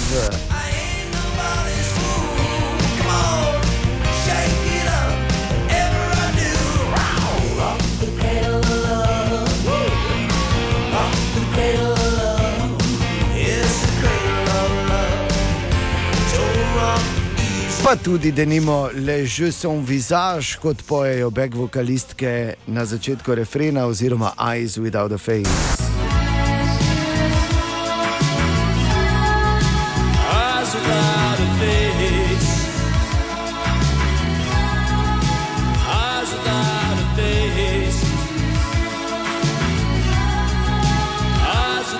In pa seveda Rebel Yell.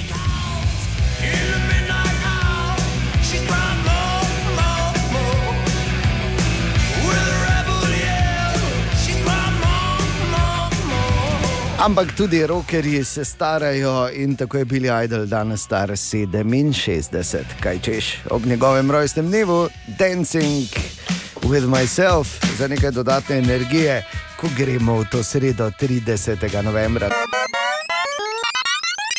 In je ura 9 minut čez sedmo, svetovno prvenstvo v nogometu in naš strokovni komentator Mitja Viler Rulo. Po še enem, oziroma po še dveh zaključkih, no, v dveh skupinah, včeraj s tekmami ob 16 in ob 20. Mitja. Pa smo dobili prve štiri udeležence značilnih bojev.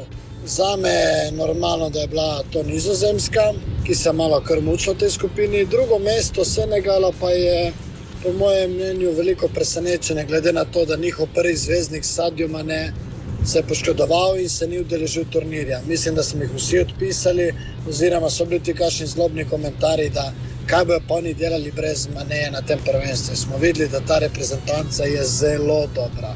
Lahko bi bila tudi prva, zdaj so drugi. In v osmini finala bodo igrali z Anglijo. Tako da spet v tem primeru imajo veliko igralcev, ki igrajo v Premier League, Mendy, Diara, Ismaila Sar, Kujate. Tako da zna biti tu spet tu neka napetost, se poznajo, tako da vsak od igralcev bo videl neko svojo šanso. Druga, drugi par osmine finala pa je Nizozemska in Amerika. Amerika za mnoge presenečenje. Sam je nisem poznal pred tem turnirjem, vem, da so najmlajša reprezentanca na turnirju. Mislili smo, da je to ta turnir priprava za naslednjo svetovno, ki ga bodo gostili, ampak s to neko dinamiko, s tem nekim ameriškim modelom, ki je napreden, ki verjetno se veliko analizira, njihova liga se razvija. So šli čez skupino in posebno zasluženo, in ne bi jih odpisal proti Nizozemski. Realno pa upam, da gre naprej Anglija, ker bi rad videl v četrtfinalu, Nizozemska pa ni me še toliko navdušila, da bi neki rekel, lepo igrajo. Mislim, da to Vangalov sistem je tašen bolj nezanimiv za me, ampak nema veze. Torej, ja, ta Vangalo sistem je. Bomo videli, da v vsakem primeru pa Mitja moramo. Vse poznaš, Bor, ne? Poznaš ti moraš Vangalo vedeti, Valjda, veš, vse se naučim. Eh, tudi, glej, en primer samo kratek. Včeraj me kliče Marinko, je nekaj dobrodelnega delajo in valjda, kak si Marinko in je že tako ekspert za futbal. Gledaš, on pravi, ne, ne gledam, pa sem a. To je napaka, ne? ker je Japonska Nemčija, bam, bam, bam, ono levo. desno, to veš, da je že bila Japonska, Nemčija. Ja, to je bilo, kar se spomnim, zdaj paniki. Ne, tako gre zdaj, če bo klical nazaj, bom rekel. Veš kaj, upam pa, da nizozemska vse gre naprej, ne? čeprav po drugi strani Amerika se zasluži samo ta vangalov sistem, ne vem. Ne vem, ne vem. Okay, Mitja Viler, torej še o današnjih parih so kar zanimivi. Danes pa seveda čakamo vsi na Argentino, na večerno tekmo, na Mesija. Spet je pritisk na njemu in na njegovih soigralcih. Tu je Poljska, ki ima tudi svojo računico, po drugi strani so tam še dve ekipe, Mehika in Saudska Arabija, tako da bo ta večerna skupina zelo zanimiva. Popovdne pa Francija igra tako tekmo, da bo lahko odpočila svoje nosilce s Tunizijo, na drugi strani pa so Danska in Avstralija, ki se bo borila za drugo mesto. Tako da upam, da nas bo čakale zanimive tekme. Zagotovo, sploh pa ta osrednja večerna, torej Poljska, Argentina, kajti v skupini C je izjemno, kot bi svet odbor rekel, ne, kot veliki poznavalec, izjemno napeto, tu se Izjemno lahko zgodi napeto, ja. karkoli. Ne, ker če denimo Saudska Arabija zmaga in Argentina samo remizira, gre, v, gre sta naprej Saudska Arabija in Poljska, kar ne bi noben, eh, mislim, ni to presenečenje, Katja. Kdo bi si mislil? Ne? Veš, Katja, fraj večer imamo spet. Slišala jaz. Da, da, da, da, da, da, V bistvu nič, niti Da lahko greš kam hočeš zvečer danes. Jaz veš, kaj sem tako vesel, ko imam toliko enih kompetentnih sogovornikov, okoli sebe, ko se Seveda. futbol menimo. To je Ja. moja večna in največja želja je bila uresničena. Hvala ti, o vsemogočni bog futbala. Koliko jih že špila? 10 ali 11? Je 13 minut čez sedmo, gremo raje dalje, ne? Ja. z malo muzike. Katja, Ana Borindejan, želimo dobro jutro. Dobro jutro. In naj samo vprašam avtorico današnjega zbiranja zanimivih odzivov na naših družbenih omrežjih, natančneje na, na našem Facebooku, je namreč zapis: Pokaži nam svoj adventni venček. Mm. -hmm. Katja, to, ja. Ni, me- to ni metafora. Ne?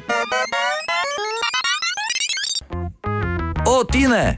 Ja, Tine, dobro jutro. Ja, dobro jutro. Zdravljen, letega. Zdravo, Tine. Tine, ki je pravkar dobil nov uh, uh, nadimek oziroma uh, eno alternacijo svojega primka, Ja. ker Tine vsako jutro reši vse križanke, ki so na voljo v dnevni periodiki.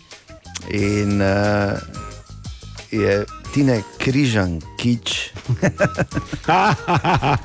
Dobro. Se bo- Križankič.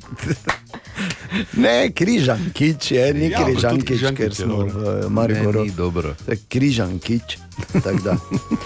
Lepo. Drugače ti ne opažanja, danes verjetno nisi s kolesom.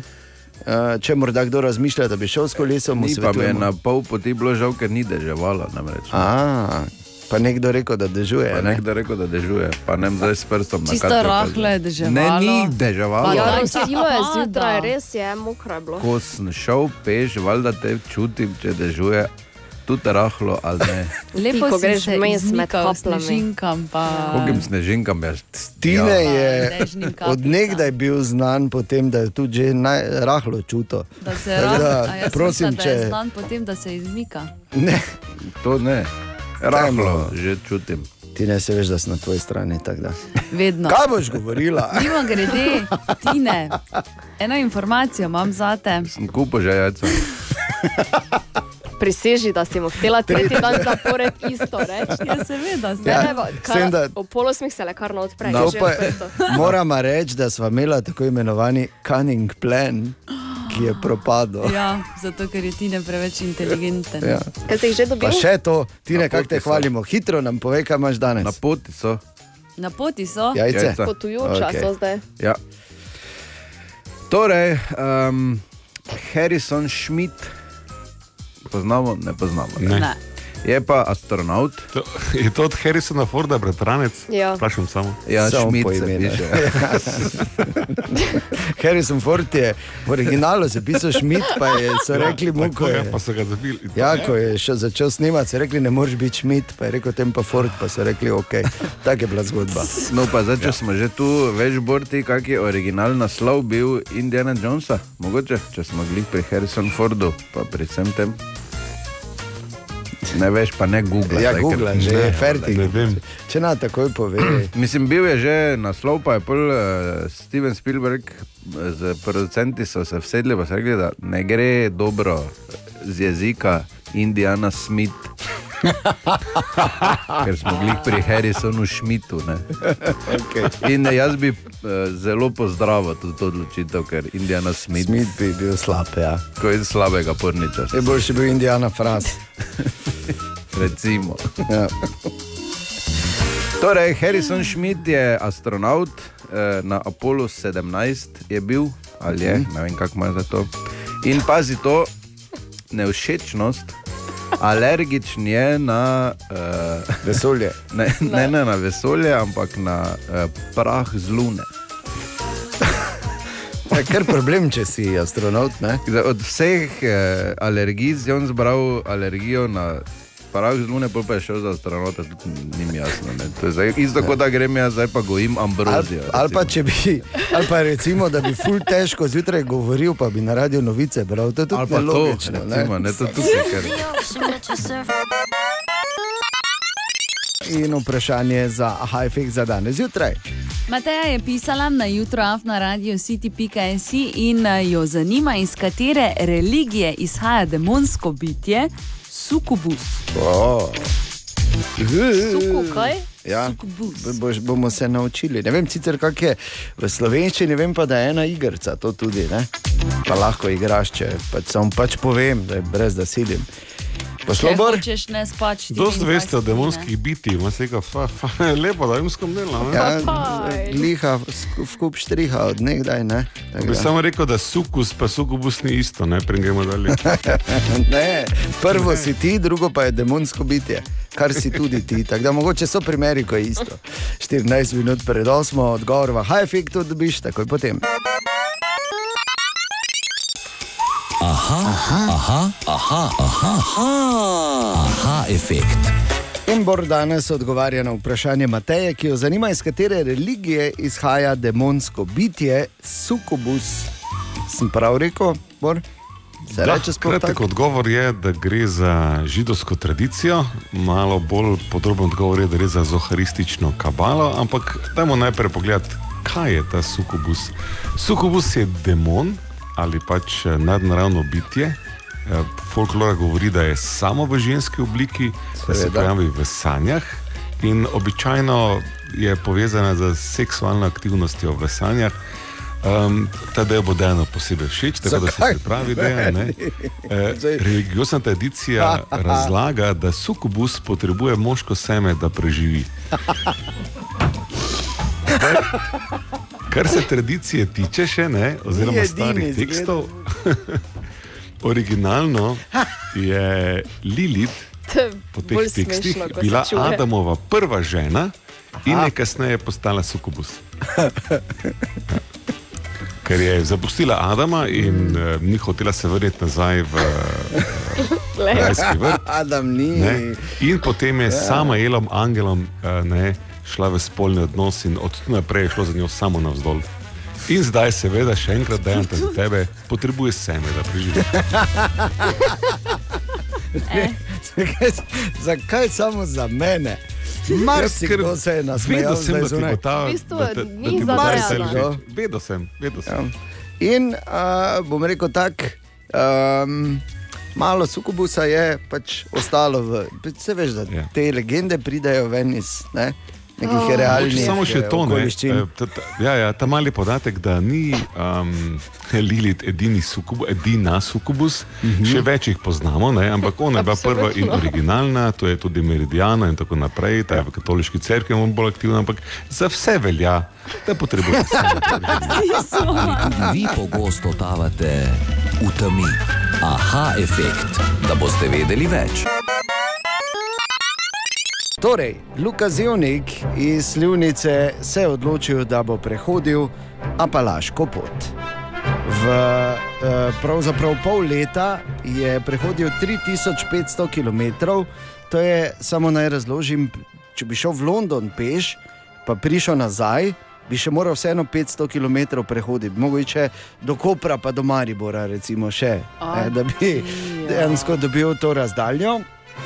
In seveda, prvo vprašanje eh, se ponuja samo po sebi. Torej, Luka, zakaj Apalaška pot? Zbral sem to pot, ker sem glih na novicah videl, da je druga slovenka, Jara Mučič, prehodila to pot. In takrat sem si pa rekel, zakaj jaz naj bi bil tretji. Tako. In uh, seveda si se odpravil na to potovanje, ki ni po cestah, to je po divjini dejansko. In na svoji poti si doživel kar nekaj srečanj z različnimi živalmi. Ne?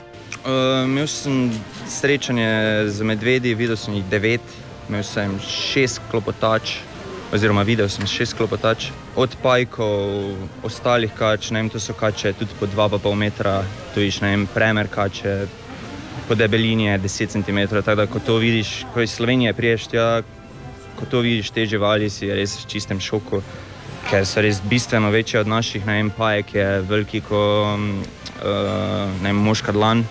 Tako da res, ko to prvič vidiš, si v nekem šoku. Ne. Ne, nikoli. Ne bo šla, ne. Nikdar ne. Tako. Luka, kaj te je še takega presenetilo na, tem tvojem, eh, na tej tvoji postolovščini? Presenetila me je suša, včasih smo mogli nositi tudi do 4 litre vode.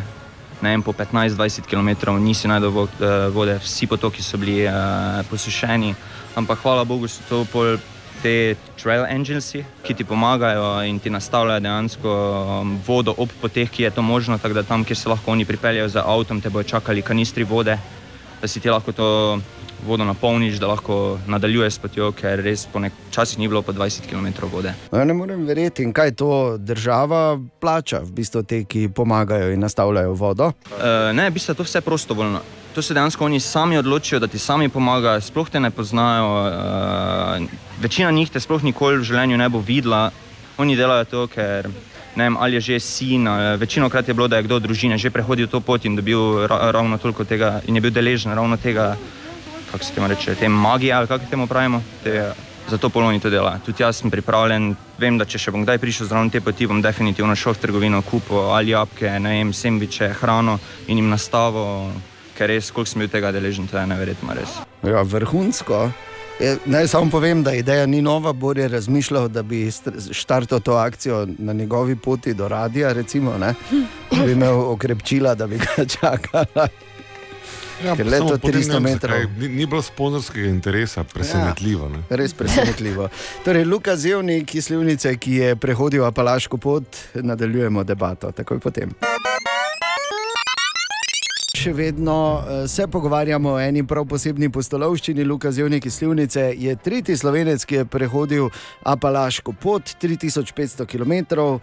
Pet parov čevljev, praktično pol leta, oziroma več kot pol leta, je bil na poti in uh, veliko zanimivih stvari se mu je zgodilo. In, uh, Luka, zdaj, koliko vem, te je na poti ujela tudi ledena nevihta. Lahko, prosim, opišeš, kak je to? Ledena nevihta, Mountain Washington, to je najnevarnejša gora v Ameriki. Nad to goro se srečajo trije podnebja, kar pomeni, da je možno 365 dni na leto je možen sneg. In ker je bil v, v, na Floridi, je takrat bil orkan in dejansko zmešal vsa te zrak in skupaj. In glih takrat sem jaz bil v najpravem trenutku na najpravem mestu na gori in dobila nas je ledena nevihta, minus 15 stopinj, 160 km na uro veter in ni bilo fajn. Ja, verjamem, ja, ampak eh, koliko razumem, si več kot očitno, no, ampak vseeno eh, si našel zaklon. Ne? Našel sem zavetišče 3x3 metre sobo, kjer smo štirje ostali, enen, zaprti 41 ur. Ven smo šli samo, da smo nabrali led, da smo si ga stopili, da smo si lahko skuhali hrano, da smo dejansko preživeli v tem emergency shelteru za 41 ur. Kaj si, no? In to je skoraj cela dva dneva ste bili noter. Uh, in absolutno se seveda niste poznali. Kaj ste se tam pogovarjali? Si jim recimo povedal, odkot si? Uh, ja, večina dejansko američanov sploh ne ve, kje, kje mi smo. Poznajo Luka Dončiča, normalno, ampak večina ljudi sploh ne ve, da mi dejansko obstajamo. Tako da so bili res fascinirani, da sem jaz dejansko šel čez ocean, da zgolj zaradi tega, da prehodim to pot in res.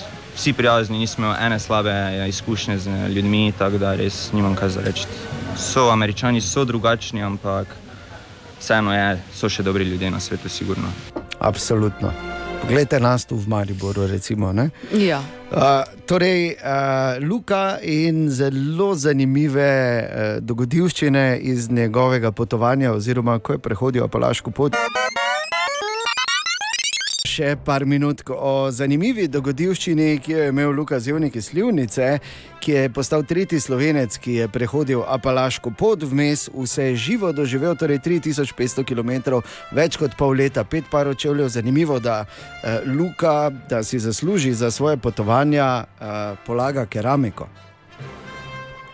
Res. Ja, mi lahko sporednice z nekaterimi radijskimi moderatorji vlekli, ne? da se skozi spravimo. Uh, torej, Luka, uh, zdaj govorili smo, oziroma slišali že ogromno zanimivega, tudi to, da te je ujela ledena nevihta, da si se šestkrat srečal z medvedom.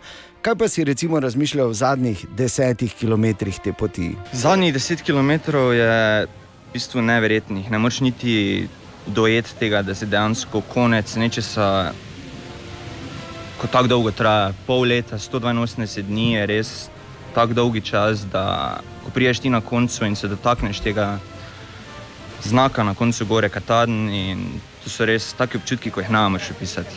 Da je vsega konec, ne vem, jaz še, jaz še dan danes nisem čisto isti, kot sem bil in verjetno tudi ne vem, ker pot te spremeni, pot te res pokaže, nauči življenju toliko, da je res neverjetno. Ja, in mi ti seveda čestitamo in smo hvaležni, da pač teh nekaj impresij deliš z nami danes zjutraj. Eh, Verjamem pa, da že, ker vi, ki hodite, ste taki, razmišljaš o naslednjem projektu. Prihodni projekt, če se bo mogoče našlo kako sponzorstvo, bi že leta 2024 računal na Pacifiško pot. E, to je dejansko pot od Mehike do Kanade, 4200 km, prečkaš tri puščave, problemi z vodom, mountain lioni, škorpioni, klopotače in še ostalega. Ja, in kar takoj se ponudi vprašanje, ko te tako poslušamo, Luka, zakaj? Uh, jaz sem neke vrste taki adrenalinski človek in skozi moram dati sebe na, kako bi rekel, na neki rob, sam sebe rad na rob postavim, da je reži tisto malo neprijetno, ampak po drugi strani adrenalinsko in taki pač sem. Okay. Jaz bi sicer ti svetoval, da bi raje šel z Maribora do Slovenka čez Pohorje. Recimo. Ne, to je že malo zlizano. okay. Tako da, Luka, hvala za tvoj čas in vse, kar si delil z nami. Veliko sreče ti želimo pri tvojih naslednjih projektih. In zdaj smo se še enkrat več prepričali, da ne gremo ne, čez Apalaško pot. Se strinjate? No, mislim, to govori za sebe, ker sem se tam Ja, da grem do roba zelo prepoznal. In, ne, mislim, sorodna duša. Seveda, seveda. seveda. Najbolj to, da je slivnice, ne to ti je sorodno. Če bi moral zdaj pokazati, v katero smer je slivnica, tam, kjer si ti. Za hrbtom manj. Ne, Ne, narobe. Bor. Narobe. Close enough, kaj Pa pa? tam je korena. Danes je že četrtek poseben, potem da je danes kaj. Prvi, Prvi december. Tako, začenja se še zadnji mesec v letu 2022. Leto, ki se je začelo, tako se mi zdi, še ne tako dolgo nazaj. Pa glej, zdaj je zadnji mesec, december, najbolj vesel mesec v letu, pravijo, je se začenja, je pa res, da glede na vse cene in vse, kar se dogaja tam zunaj, v, v to veselje, ker omejeno bomo rekli, ne, ne bi rad, da bi bil veš grinč na 1. december, ampak tak je. Ob tem, ob tem, da je zunaj tudi situacija taka, da Bog ne daj, oziroma Bog vari, da bi šla ven. Naga, naga, naga, naga, naga, naga, naga, naga, naga, naga, naga. Ja. Je tak? Ja. Je tako. In ob tem ne smemo pozabiti, če že ne, če te že ni strah dežja, občasnih snežink, nizkih temperatur in nasplošno bleh. Vremena in situacijo, v kateri lahko zboliš. Če greš ven, tako kot smo slišali v tej pesmi, se ti lahko zgodi, da te za voglom čaka tudi kdo, ki je. Nagi, nagi, nagi, nagi, nagi, nagi, nagi, nagi, nagi, nagi, nagi. In ta zgodba Ja. lahko gre v nebo. O, ja. Narečja so zakon. Ha, kva, koga, kaj? Ma ne razumem. Da ne bi kdo slučajno mislil, da smo ta teden pozabili. Oh, seveda ne, ne, ne, ne, ne. Ker potem spet, kot smo ugotovili, prejšnji četrtek se nam lahko zgodi, da jezni fraz prijezdi na samo rogovih teč kreativec. Ja, ne? točno. Ja. Da ne bi slučajno. In eh, narečja so, eh, so zakon in kaj smo iskali na zadnje. Marko, dobro jutro. Dobro jutro. Dobro jutro. Jutro. Na zadnje smo iskali narečne verzije te povedi: Vauk sit in koza cela. Moje ime je Daniel, sem iz Maribora, narečje je tako hoško, framsko, bučko z basom in kovza pa cela. Zdravo, sem Simon, prihajam iz Prelekije, pri nas potem rečemo, da je vuk sit pa koza cela. In še nekaj povedi z Facebooka. Vauk mo puni lamp, kaza pa je ostala cela. Vauk je set, kaza pa cela. Vauk sit in koza cela. Vuk prežrti, koza cela. Vauk sit pa kaza cila. V tem tednu pa iščemo narečne verzije te povedi. V drevo je vrgel kamen in z njega sklatil tri orehe. Kaj pravite vi trije? Vauza, vojevavec in vomba. Jaz bi bila bomba. Jaz nisem tako ziger, da hočeš biti bomba. Tako ne Ampak vem, preden kaj. gremo dalje, v drevo je vrgel kamen in z njega sklatil tri orehe. V čakovskem narečju, zdaj ne govorim o Čakovcu, ampak o Čakovi, čudovitem kraju v Prleki, lepo občini. Sveti Juri občavnici. Mi bi rekli, kaj je v drevo vrga kamen. Obstaja tudi grša beseda za. Ja. ampak Je- bom, je bom, fukna. Ja, to je. Ja. Ampak no, v drevu je vrga kamen, pa so z njega tri orehi pale. A, lepo.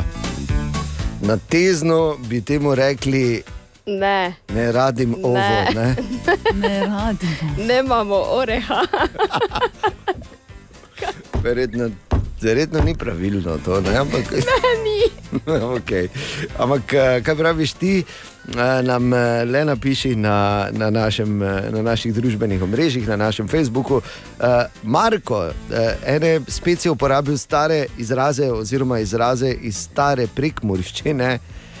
Ana je rekla, da bo vomba, kaj si nam rekel? Vauza je ječa, vojevavec je bojevnik, vomba pa je smrad.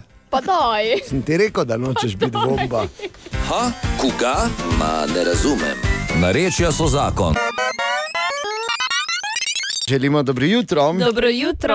No, in uh, hiter uh, pregled, malo naslovov danes. Uh, za nalašč preskakujem vse te politične teme, ampak uh, vseeno je enih par stvari, ki takoj zaštrlijo ven. In sicer danes je 1. december, to je jasno svetovni dan boja proti AIDS-u. Uh, tej še vedno kar hudi bolezni, zato seveda kot pri vseh, je pa sploh tu se mi zdi, da izraženo pomembnost osveščanja o uh, preventivi in ne pozabiti, ne, kupi, naj ti ne bo nerodno, mej sabo, za vse velja, tudi dan danes ni nič uh, narobe, če že ima ona sabo, ne, veš, tako da je tako.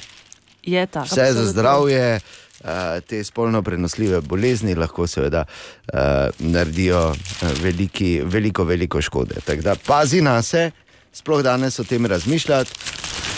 Dalje, ko so listo francozi so bagete dali na seznam kulturne dediščine, Ja, aleluja. končno, ker nič. Ne, ampak je res, predsta samo predstavljaj si, prosim, lepo. Veš, ko si prineseš, ko imaš svežo bageto, pa si krajček odrežeš, Jo. Pa gor malo masla, pa tako, ko tako poči lepo vse, ko tako hrusta, ko je tako. Uah! Če ne bi. Ja, to je tako, da ja, in, in vsaka, vsa čast eh, francozom. In pa še en, ena novica, eh, da so na Tajskem so zaprli en budistični tempelj, potem ko so ugotovili, da so vsi menihi tam na uh, metamfetaminih in jih poslali na zdravljenje. In pol sem tako prebral, to sem razmišljal. Vidiš, veš, koliko krat si, si rečeš, ko vidiš, ko ljudje pač počnejo nekaj, kar je res nenavadno. Mhm. Pa tudi v teh templjih živeti tudi ni za nekaj najbolj navadno. Ne? In se včasih vprašaš, na čem te so to ti. Je.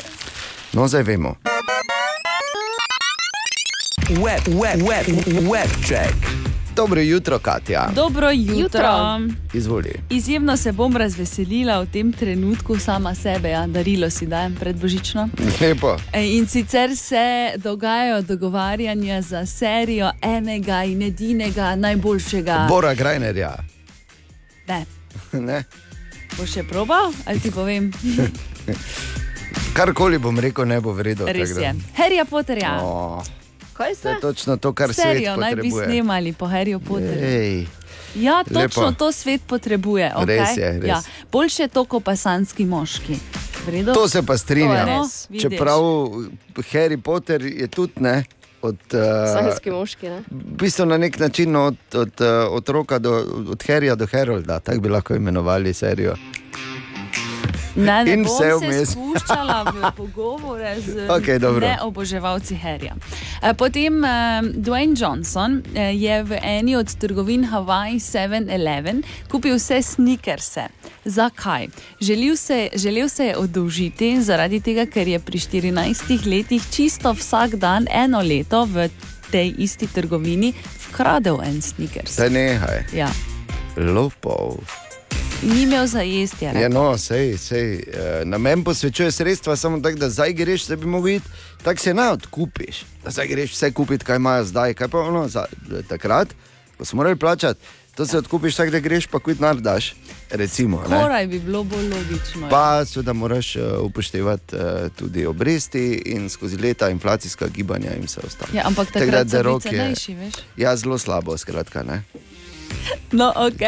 In pa Mercedes uh, je poimenoval eno od ulic v Angliji po eni od. Kaj ker tak, Mercedes lahko gre v Pardon. Angliji ulico poimenovati? Malo se mi je zataknilo. V bistvu je, je ulica, ki vodi do njihove tovarne. A, okej. no, in uh, so se odločili, da jo bodo poimenovali po eni od legend Formule 1 in sicer gre za ulico Niki Lauda. Da nehaj. Ja. Vedno, veš kaj, Katja, zanimivo, da si rekla, ker vedno, ko kdo uh, reče neki lauda, Ja. se jaz vprašam. Heißt die Mutter von Niki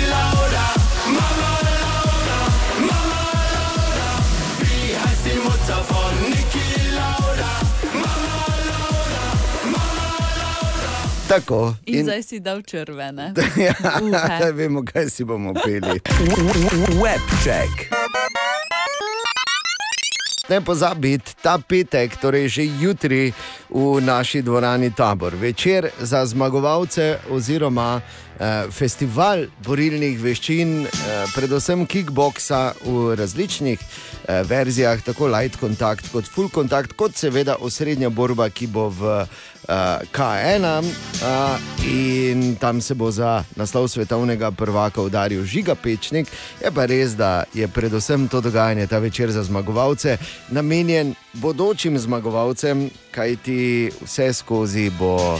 Uh, bo možnost donirati v fundacijo Miroslava Cerja, Cerarja, s katerim uh, oziroma iz katere eh, dobijo pomoč bodoči svetovne prvakinje in prvaki in naši olimpioniki. Ampak, kot sem dejal, osnovni dvoboj večera, če, eh, se, eh, če se ustavimo pri, pri tekmovalnem delu, bo dvoboj Žige Pečnika in Alesija Celonija. David. Tako z Italijanom in bila bosta borbo za naslov svetovnega prvaka v kickboksu K1 Wake Pro. A, Žiga je sicer že bil dvakrat eh, evropski prvak v K1 do 78 kg, v amaterskem kickboksu enkrat drugi, enkrat tretji na svetu, eh, večkrat pa osvaja tudi svetovne pokale in večkrat je bil državni prvak, sta pa s tem nasprotnikom že stara znanca. S tem Italijanom smo se že eh, srečala na svetovnih igrah v Birminghamu, kjer me je letos tudi premagal. Tako da se zato tudi veselim eh, tega dvoboja, da bo lahko pač povrnem zmago.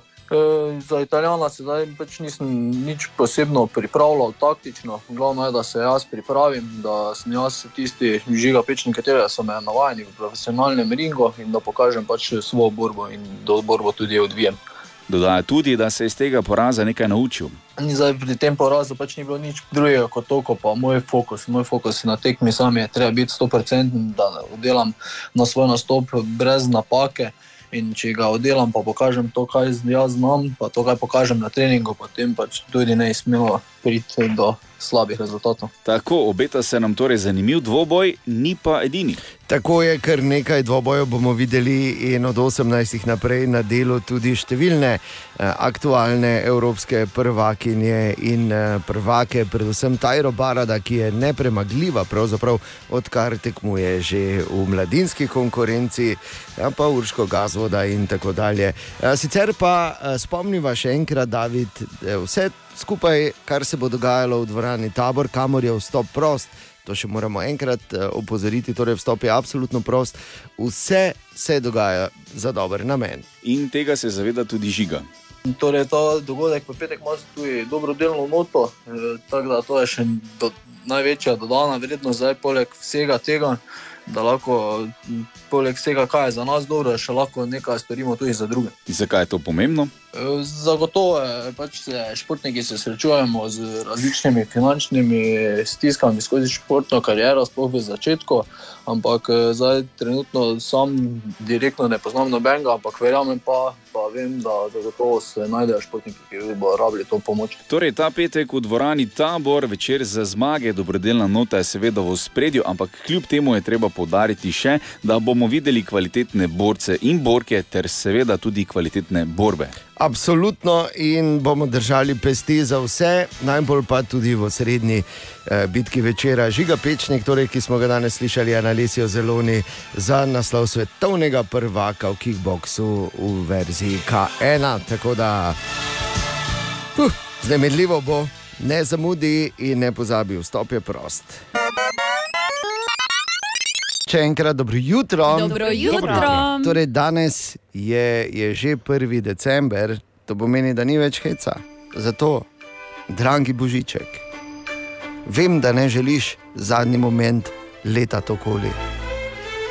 Se gužvat v velikih nakupovalnih centrih, pustiti, da se ob tebe obribajo številne nianse, uh, številnih parfumov in ostalih stvari, ki jih pač telo posti, ko se obriba ob telo v veliki gneči. Jaz vem, da želiš biti varen in miren in uh, se ne na zadnje režati že Miklaužu, prvemu od vaših, ki hodite decembra, ha, poglej ga, on ima parklje, jaz pa imam že rešeno.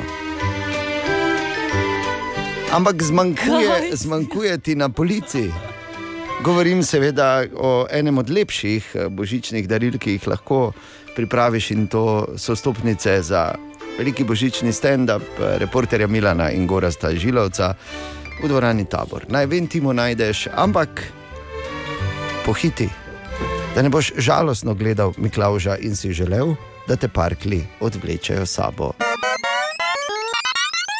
1. december, dobro jutro. Dobro jutro. In zdaj, sploh, ko je veseli december, se že drugače, je pametno iti z odprtih oči skozi naše mesto, ker vidiš vse živo. Decembra pa vidiš vse živo, samo praznik je dišen. Jaša Lorenčič, dobro jutro. Zdravo. Servus. Pa smo ga končno dočakali. Veseli december. In to tako, kot se spodobi. Ne več neočakano, pa prehitro, ker vse do zdaj pa res že vsi vemo, da gre prva jelka v šoping centru gor že septembra, pa se pol zgražamo, kolektivno. Zato je nekako primerno, fajn in prav, da se lučke letos prižgejo ravno 1. decembra. Pa da bomo imeli na glavnem trgu, kot se že piše okoli na internetih, pa govori po mestu, svoje kolo sreče. Ok, ni ravno prater ali londonska oka, je pa novost, taka. Ne samo narisana v reklami. Čeprav, mogoče pa bi bilo dobro, če bi dobili več takih reklam, kot je bila tista lanska. Vse se spomnimo, punčka je v glasu iz krompirčka naredila čarobno palčko, malo je sem pa tja pomahala in glej, leto dni kasneje imamo, pa ne samo v reklami, dejansko imamo kolo. Super. Končno nam ni treba že samim sebi, kaj šele drugim pojasnjevati onih tulcev, stožcev, pa horizontalnih smrek, pa to ne. Imamo kolo. Škoda le, da ni punčka pomahala še kam, ker idej in želja bi pa najbrž kar dosti našli, ne? Sicer pa še ena decembrska za one, ki ste doma v bloku. Najbrž se vam je skoraj ziger že kdaj zgodilo, sploh v tem času. Javijo vam, da si pridete dol pred vrata iskat paket, da je evo končno prišel. In ti priješ dol, zadihani mojster ti da paket in reče: Evo, izvolite, tu podpišite, hvala, hvala. A ja, pa kaj ovega slučajno poznate, to ti kak se piše, ker ga kličem, pa se najavi. Pa skušaš biti vljuden in pogledaš, ura je pol dvanajst do povdan in dodaš, da mogoče je pa v službi, ne, taki resni. Pa začuješ, kako je te v službi? Ja, tak, ja, samo Maribor. ja, tak. O, Tine! Ja, danes Tine, oziroma kot se je še enkrat več potrdilo, človek z izjemnim, izjemnim občutkom, človek, ki zna presenetiti. Namreč danes je prišel in eh, nas vse obdaroval, vse v studio ena. Ja. Dobili smo te male čokoladne božičke v taki lepi uh, plast, Vrečici. plastični vrečki, da še bojo kiti, eventualno imeli kaj od tega. Res lepo in eh, rekel, evo, tu imate, danes se začne veseli december, zdaj me pa nehajte gnjaviti. Pa sploh ga nismo gnjavili. Ja. To za sebe govori, jaz ga dnevno sem ga spraševal, Ja, kaj jaz ga je vsako uro gnjavim. tako da, ja. Gor ti pač nisi nič dobil. Ja, saj, češ, ne? okej. Ampak gnjavim pa te vseeno lahko. Ne? Čakaj, enega bom zdaj. Bor, No. Bom jaz ti podelila kakšnega. Jaz pa ne, ker cenim darilo, ki ga Mm, ker je belo ima od. Tineta, od Tine, ne da. Evo. Ja, Od Tineta darilo je od srca vedno in vem, da je samo za me in ne bom delil. Tak, tanana. O, kako so dobri, zakaj sem zaprobala to? Okay, Tako da ne, ne, ne prvi, ampak zgodnji obdarovalec je Tine, mogoče je to celo novi trend. Kako ne prvi, kaj Da pa je si te dobil Še že? en pred Miklaužem, ne Miklauž velja za A prvega. Ja, to, aha, ok. Ja, to je veš pač eh, ta sveti Martin še vedno hodi. Do Miklauža, ne? Obdaruje od Martinovega do Ja. Miklauža, daje in ne neha dajati. Tako ali drugače. S tem, da eno stvar sem še razmišljal, glede na to, zdaj, ko smo rekli Miklauž, in to me zanima, to se boš ti neverjetno strinjal. Ne? E, ni isto, ne, če te na Miklauževanje povabi župnik ali pa žena doma. Ne? Absolutno ni. Tako. isto. Je pa lepo, če dobiš povabilo od obeh. Ne? Ja, pa Ne onemu, hkrati. onemu ne bi šel. Dobro, ja, kaj se menimo? Kaj Tebe še je? rekel? Ti si kaj pova- razmišljam, pri Ti si povabila, kaj. Katja? Ne, jaz razmišljam, pri katerem se ne vrneš. To, te To, to je pa zdaj, ne vrneš. to je pa Parkej? zdaj smer, v katero nisem uh, želel Ne. iti v zgodbi, v kateri je župnik. Hvala lepa. Jaz sem rekla, če je morda to parkej. pol. Katja čokoladico pojede. Tako, hvala, Ana. Poslušaj na sveti stezna, Katja. Ja. Torej, uh, Tine, Ojej. kaj imaš danes? Ja, belo, je, belo? Pa manj je dobro, rekla. Kaj je, Tine? Kaj je? Kaj? Eh? Pojej čokolado. Pojej čokolado, ne? Pa, pa bodi tiho, lahko pa pomagam, tako da hop, gledaj, pa so šli Jaz mikrofončki. pa Povej. hitro povem, da eh, če igrata dva monopoli, ne, ja. obstaja 12-odstotna možnost, da igra ne bo nikoli končana. Te nehaj. Pri meni doma je vedno končana, ker jaz gubim interes po 15 minutah, ko se znajdem blizu bankrota. Vedno. Po 15 Vedno. minutah si ti že blizu bankrota. Seveda. Te pa nikoli ne švinglaš. Kako pa te švinglaš Ja, lahko? kradeš jim denar, se pa ta, ta, je, ta je lepa stvar, ki lahko no. naučim svoje Ja, otroka. biti, ne? Tako. Znajdi se.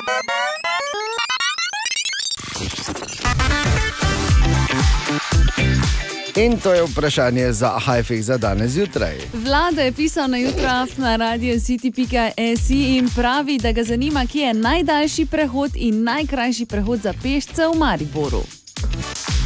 Dobro, okay. Zakaj je to za Ani smešno?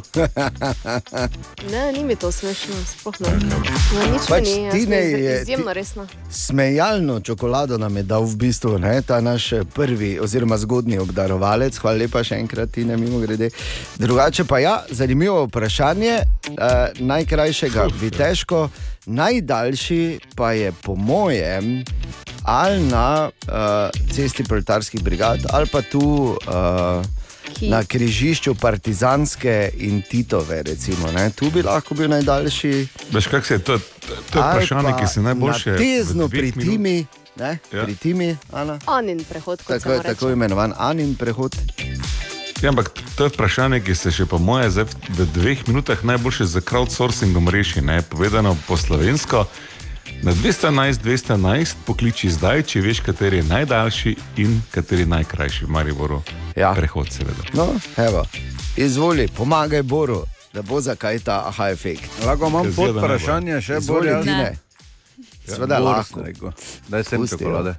uh, zakaj je, recimo, ker po moje to en dal, ne, po moje tam tu ta partizanska titova, Ja, ne? tu, ja. Zakaj je zelena za pešce dve pa pol sekunde samo dolga? ja. Ja, da stopiš, ne? Zato, ker Ja, je za tekače. Z velikim stopiš. korakom. To te, edine to te stimulira ne, k tem, da malo Mislim, pospešiš tempo. ste- Jaz tako prijem z biciklom, pa prijem samo eh, starejša Jaz še nisem gospa. preko prišel, da bi bila Starejša zelena. gospa prije lahko Ja. ja. samo več do kod. In je problem, in to sem tudi razmišljal. Razmišljal sem, da bi moral tam na mesto ludeka biti antilopa, bi morala biti v bistvu. Aha, aha, aha, aha, aha, aha, aha efekt. In Bor danes odgovarja na izjemno zanimivo vprašanje Vladota, ki ga zanima, kje je najdaljši in kje je najkrajši prehod za pešce v našem mestu, v Mariboru. Torej. Bor. Ja, mislim, to je ena stvar, ki je ti ne moreš zgooglati. tako da Hvala vsem, ki ste v tem nenormalno kratkem času za ta izziv sodelovali. Jaz mislim, da posebej bi pohvalil Mateja Mohariča. mislim, da je on pribil, se strinjam z njegovo ugotovitvijo, da je najdaljši prehod v Mariboru na semaforiziranem križišču Melska Partizanska, ker je tam je okoli 30 metrov. Torej, taki mali maraton za preko prid. Okay, In najkrajši, a? najkrajši pa bi lahko bil na Prešernovi, tam je malo manj kot 3,5 metra. Zdaj, če je kje še krajši, možno je, našli ga nismo, ampak jaz bi dal denar, če bi ga imel, seveda, ali pa če bi lahko stavil, ali pa če bi bil taki, da stavim. Veš, govoril, da Najdaljši je Partizanska, lisjak. najkrajši na Prešernovi. Lisjak je rekel, že bi imel. Da ti bo gara. Ne, ampak lušno. Ja, okay. Hvala lepa, Vlado, super vprašanje. Hvala vsem, ki ste pomagali Boru. Ali tudi vi pogosto tavate v temi? Aha efekt, da boste vedeli več. Ok, torej, Gora Žilovec, dobro jutro, se slišimo. Ja, dobro jutro, slišimo se, lepo zdrav eh, tebi, Dejan, in ostalim ljudem, ki, ju- ki ju ni najbrž še tam, ker je zgodaj. Tako. Eh, In seveda poslušalkam in poslušalcem Radio City. Da povej ti, Gora, ta trenutek, vemo, da si član uh, drame oziroma del drame našega Mariborskega SNG-ja, da si uh -huh. povsod. Ampak ta trenutek te ni v našem koncu Slovenije, niti doma v Murski soboti nisi. Ne?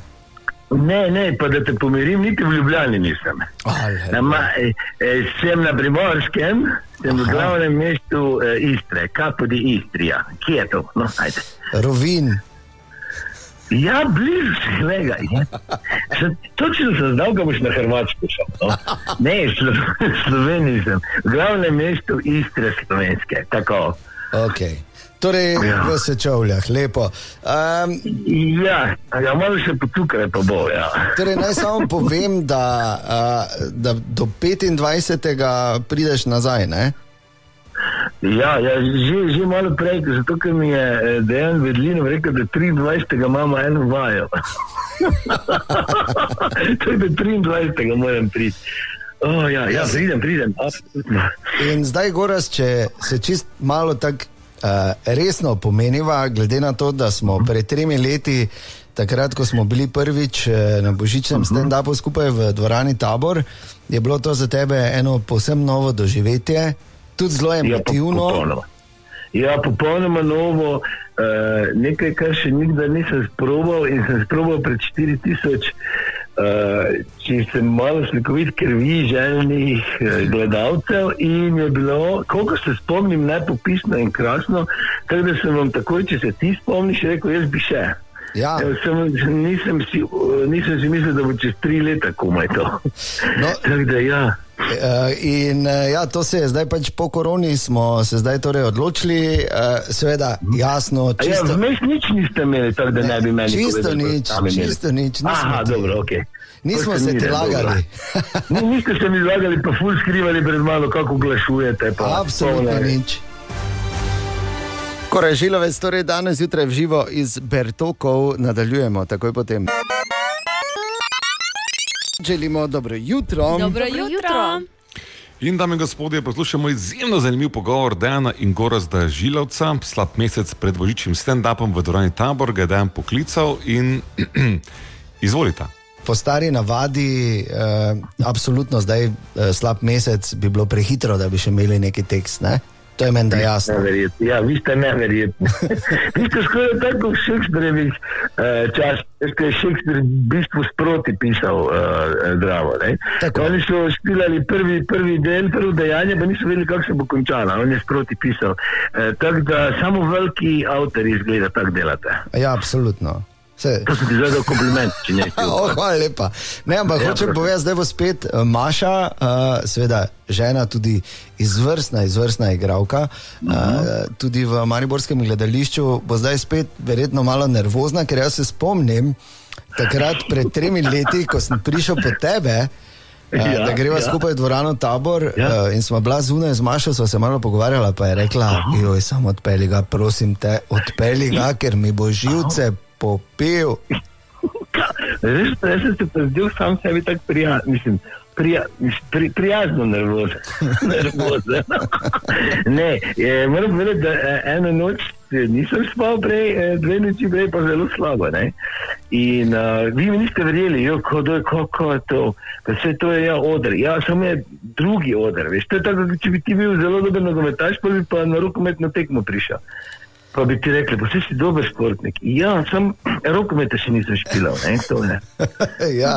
In uh, pole, to. se, takrat je izpadlo fenomenalno, zdaj ne smemo, ne, Mhm. tudi Goras, ti si bil izjemen in temu primerna so tudi pričakovanja, uh, ne samo publike, tudi nas treh, Mhm. da boš, uh, da boš uh, tokrat na božičnem stand-upu uh, nadgradil vse skupaj, ne, pa brez pritiska. Ja. Hvala za pritisk. Ne, to, to, to, to, to sem vesel, da te ne pritiskajo ljudje, pa ne čakajo kaj dosti od tebe. Pa. Ne?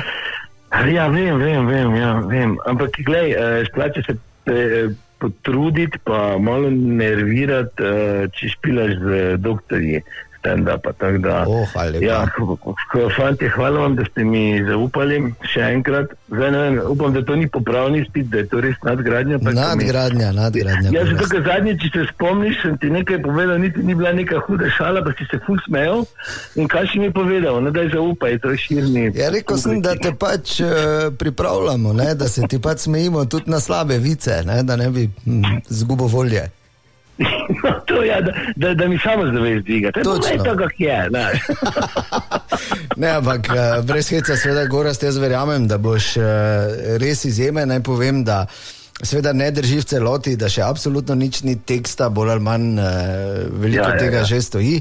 In uh, Gorast bo še enkrat več, uh, zagotovo izjemen in uh, glavni razlog, da pridete, ali pa en glavnih razlogov, no, uh, 25. v dvorano Tabor. Naj samo povem, da je celo tako daleč v svoji kreativnosti, da smo ga komaj ustavili, da se s svojim starim italijanskim mopedom ne bi vozil noter vmes. Čakaj, malo nismo še do- dodelali čisto scenarija. Jaz imam upanja. No. Ne, veš kaj, mi Ja, pa- smo, samo tebi nismo povedali. A ja, a ja, vi ste se že odločili. Ja, Pa to, nima veze, eh, to nima veze s tem, kaj je zelene barve. Ne? Ne, nobene, nobene.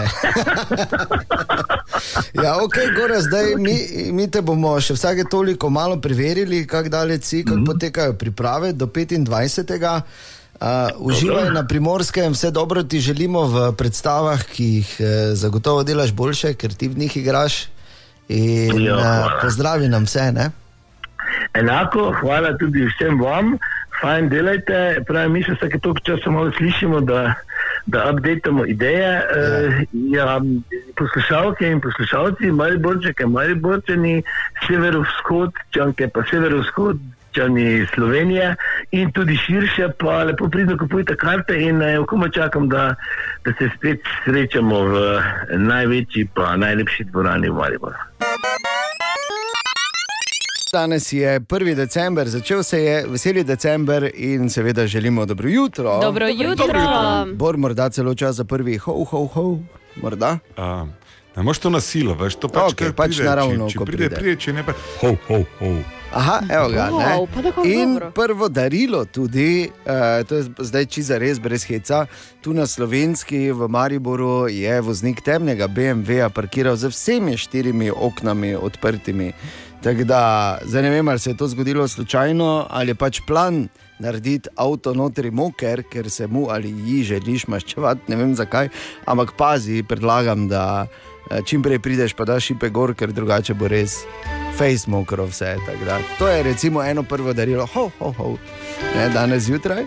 Uh, je pa res, da imamo uh, v Mariboru eno novost v tem uh, veselem decembru in sicer to je veliko, uh, torej panoramsko kolo na glavnem trgu in uh, to že stoji, si ga lahko že človek ogleda. In včeraj smo šli tam mimo malo z mikrofonom. Kolo, kolo je kar redo, ker je nekaj novega, pa je nekaj zanimivega. Ste že mogoče bili na kakem takem? Mm, Ja, kot mlad še, samo ne pa nas. Meni je zelo všeč. Tudi zato, ker je nekaj posebnega, malo drugače kot druge v mestih. Um, tak, nekaj posebnega je. No. Zelo super.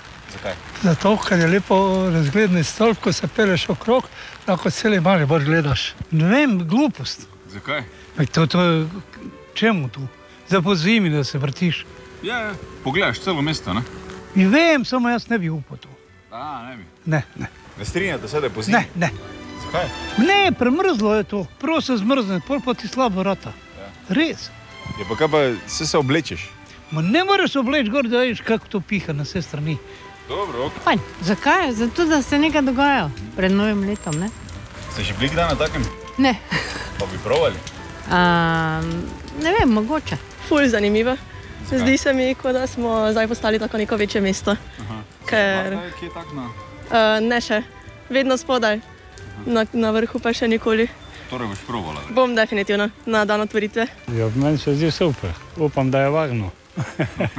ne, če je varno, pol je svetovno. Je zato, ker je neko, kot te vem, kaj takega še ni bilo tako gromozanskega. Boste šli provat? E, to, to pa še ne vem, bom videl, bom prvo malo gledal, ko bo lepše vreme, pol pa pol pa bom videl, pa bom mogoče bom probo. Če ne bo predrago, ne, zdaj ne vem. Ja, pa če bo Ker- varno. Ne? Ja, no, vse zato pravim, da bom prvo spremljal malo, pa gledal, pol pa. Ja, kul cool se mi zdi, samo ne vidim, kaj boš videl tam zgoraj. Če tako mislim. Bomo videli, no. Treba testirati. Ne? Zanimivo. Um, ker je nekaj novega v Mariboru. Pa si že bila kdaj na takem Ne, ker se bojim višine. Aha, boš probala? Mogoče ja. Eno samo vprašanje imam, kdo si bil Tibor, najprej me na zebe, pa mi je slabo. torej, novost na glavnem trgu za ta veseli december v našem mestu. In tu je naš priljubljen jutranji segment izborove špajze, Bor. Dragi volivec in draga volivka, dobrodošla. Samo še par ur, pravzaprav nas loči do nedelje, Ja. četrtega, Ja. ko bomo volili. In to je tako, da bi vrgel to nekam v zrak, pa noben ni čul. Na prvi krok je šlo voliti 41 odstotkov, po logiki osmoljencev ali poražencev, spomnimo, 15 kandidatov je bilo, samo dva sta šla naprej, bo tu udeležba še bistveno manjša. Tako da, jaz mislim, da naš strah ne, pred tem, kdo bo novi župan, bi moral biti že počasi pozabljen. Vseeno je, mi se moramo bati dneva, ki je zatem. In to ne zato pazite, zato ker je tam že potem ne, tisti, ki je izvoljen, zopet prvi dan župana, ali stari ali nove, karkoli. Ampak, dame in gospodje, ali se vi zavedate, da ne bomo niti parkrat spali, ko bo že parkle hodil okoli. In v bistvu ni več, ni en več je parklov, ne? ali kako dejan ti to veš. Odvisno, kako si poreden. Odvisno, ja, odvisno kak je Miklaš močen, če me razumeš. Ja. Ti imaš Ker- dosti parklov. Ne čakaj, ravno to ne, ker vemo, da je Miklav še en, pa Božiček, ne sam parklov je pa ful dosti, ali kak? Ja. ja.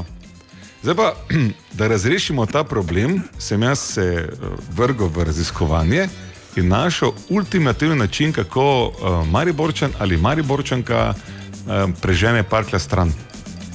Parkli, parkli, vrtisje. In gremo, in gremo še enkrat, ne, ko parker zarožlja, ali en ali je več, in če šlo verigo in kako se vleče, potem imamo samo. Parkli, parkli, vrtisje.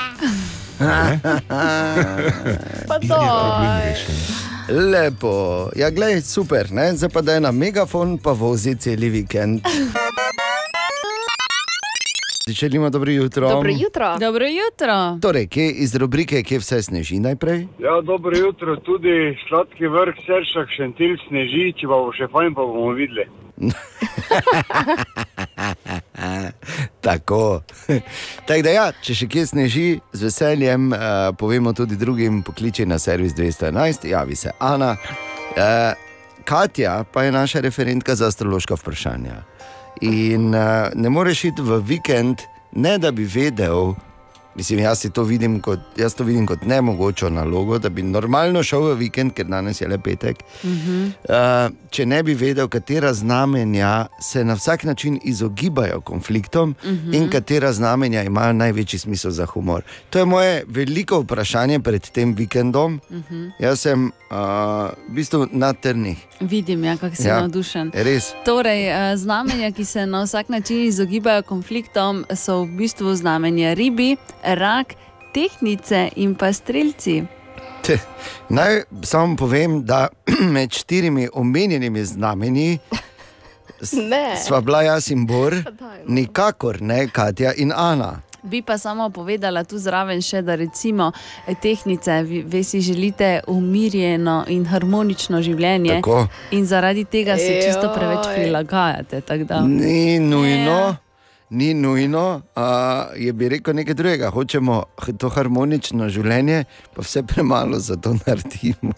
Mi samo pričakujemo, da bodo drugi nam omogočali harmonično življenje. Ja, seveda, ker se nočete kregati. Ja, no, vse to, ja, No. to je ravno smo zaciklali. s tem. Tako. A, no, torej štiri znamenja, ki pa imajo najboljši smisel za humor, bi Okay, morda... naj oganem, tehnica, Ne. ribi. Ne, Kaj? ne. Kozorok, Ne. device. Mhm. Kaj? ne bom kozlo. Po, v bistvu, tukaj imamo strelce, leve, dvojčke in pa device. In pazi, zelo me je navdušilo, eh, navdušil ta zapis zraven devic, ker piše tako: morda na začetku res ne izgleda tako, ampak device preprosto obožujejo humor, ker so bistre, pa znajo biti njihove šale nekoliko kompleksnejše, Mm. ampak izjemno zabavne za tiste, ki jih razumejo. Vse tri, ne? Vse Ja, tri. glej. Eh, Rekel bi samo to, da uh, Ana, ti si dvakrat skozi pazla, padla danes, tako da meni je zelo žal. Jaz, Ah. jaz se vsaj nočem kregati. Do čimer je Katja vrhunsko smešna, kot smo slišali. Čeprav Ja, še ne, čakamo, samo ne da bi začutili. ne? Da bi to začela vno, vnaučevati. Zapomni si eno stvar, to je stara resnica, da si smešna samo toliko, koliko se ti smejijo. Odvisno, kdo se smeje. Ne? Ja, ja, ja. Pa In koliko, zakaj? pa koliko plača za to, veš? Ja. okay, ja, super, hvala lepa, Katja. Vidiš, zdaj pa lahko grem sproščen v vikend. Zdaj pa lahko. Dobro jutro. Dobro jutro. Em, imamo lučke, Je. to je to, ne? Zjutraj so gorele. Ja, hecno, ne? Ja, Ker je tema. Rekli, da bojo jih izklopili zvečer. Vse so jih, verjetno. Ne vem, jaz nisem hodil po noči, ampak eh, načeloma naj bi ob 23. Ja. Uh, vsaj glavnino eh, zaradi pač splošne situacije z drago elektriko. No, ampak včeraj se je torej začelo za res veseli december. Uh, v našem mestu se je začel genialno s 1. decembrom. Wow. Ha? Je težko imaš novembra, veseli december. ne, Res, predvsem ja, hočem reči. eni so ga imeli, Ne, ne treba vem. je čestitati tem, ki so potem združili ta dva datuma, oziroma datum in sporočilnost.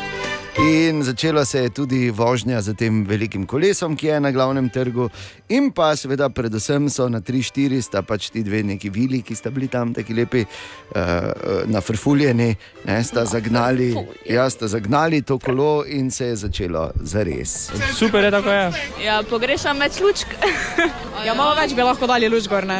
Pač tako vedno, jaz bi rekel. Super, vse okrašeno, zelo lepo. Zaenkrat sem premalo pogledala, ampak to, kar sem videla, je čudovito. Najlepše do zdaj. Ni tako dober, kot sem mislil, da bo v Ljubljani, so vsi snemali na storje, deva lučke, bum je bilo, tu v Mariboru, ne vem, tak neki na budžetu so. Ma super, zgleda v redu. Mislim, čakam še na kolo, mislim, sam edina stvar, da kaj čakam. Ja, čudovito je, malo presvetli so edino. Dobro, odlično. Vrejo so, kuhano vide pa še boljše. Seveda. In zakaj v Mariboru niso snemali? Zato, ker znamo živeti v trenutku in z očmi gledati ja. to, kar se dogaja pred nami. In bi samo povedal, ker to je zdaj, ja, to Jo, tak to, kar uh, je. poslušalec oziroma ta obiskovalec je dreznil v osje gnezdo, pravilno, Katja. Ja. Naj samo povem, če si odkuderkoli drugot na veseli december, ne prideš v Maribor zaradi lučk. Ne. To greš v Ljubljano. Vem, ne je prideš, na, ne prideš nas šimpat. ne, ne, to. Hočem povedati, da uh, vsi, ki pridete zaradi lučk, pa če se upravičujem, mi uh, imamo tukaj eno drugo vsebino in morate vedeti. Ne, zakaj imajo v Ljubljani toliko lučk in tako blišč, in to mi v Mariboru pa ne? Zato, ker če si znal pet, nikoli nisi zna, rabo znati plesati. To je vse, kar mi rekel. Ne? Web, web, web, web check. Dobro jutro, Katja. Dobro jutro. Dobro jutro. Torej, revija The Economist je objavila seznam najdražjih mest na svetu. Ja. Ta, ta, ta, ta, neslavno prvo mesto si ponovno, oziroma ne ponovno, pardon, novega zmagovalca imamo. Ja. Si pa prvo mesto delita eh, mesto New York in Singapur. Ne, tako se menim, se rapidno na tej lestvici dviguje tudi Maribor. Ne. No, Ja. bleda ne bo prihitel. Brez krvi. Težko. Samo res. Ne bi hoteli. Ja, res je. Potem Elon Musk je podjetju Pepsi dostavil prvi električni tovornjak za dolge razdalje. Yep. Da ga bo Pepsi lahko uporabljal in imel zeleno. Uh, uh, pač, uh, uh, Zeleno zele- prevozništvo. eh, eh, ne, ali ne jo eh, na svojem, eh, na svojem portfoliju, ga, s katerim se prezentirajo ne, na vzven. Tako je, je pa Pepsi eh, za ta veseli božični december pripravil še eno kampanjo in sicer kampanjo z imenom hashtag pil. Pilk and Cookies gre za izziv in sicer Pepsi spodbuja, da ta mesec svoj Pepsi popiješ eh, pomešanega z mlekom, narediš fotografijo, objaviš na družbenih omrežjih in dodaš že imenovani hashtag, s tem pa potem eh, lahko sodeluješ za super nagrade, predvsem denarne. Pepsi hoče, da kozlamo, ne Pa očitno. kaj, kaj, kako mešanica? Da se rihtamo. Bi pa samo rekel eno stvar, da te reklamne akcije, ne, tu je Pepsi še enkrat fejst, uh, vsi pa mimo. In če ne veš, kak si poglej en dokumentarec na Netflixu, naslov je Pepsi, Where's My Jet? Ker so, imeli, Okej. ja, ne, ker so imeli enkrat akcijo, mislim, da pred 30 leti ali nekaj več, da če zbereš dovolj točk, lahko dobiš celo tega Harryja Jeta, ne, ki se Ja. je eh, prav vojaškega reaktivca. In en dejansko šel in zbiral, in, in pol ni dobil tega. No, skratka, nočem Pole nas to pokvariti- dokumentarec. Ne? Dejansko. Ampak, vidiš, Ampak kako smo prišli, zdaj moramo pa pilk pit. Ja, no, hočem povedati tako, da se naj Pepsi za sebe briga s svojimi akcijami. Okay. Uh, in pa včeraj zvečer se je tekma svetovnega prvenstva v nogometu med Nemčijo in Kostariko zapisala v zgodovino. Vse tri sodnice, oziroma vsi trije sodniki, so bili namreč ženske. Ja, sodnice so bile, ne? tudi četrta Ja. je, bila, je bila sodnica. In moram reči, da je bilo super. Ja, jaz sem tako užival, ne vrhunsko je bilo, zato ker sem eh, s posebno pozornostjo spremljal to tekmo in moram reči, da je bilo na igrišču čist drugačna energija.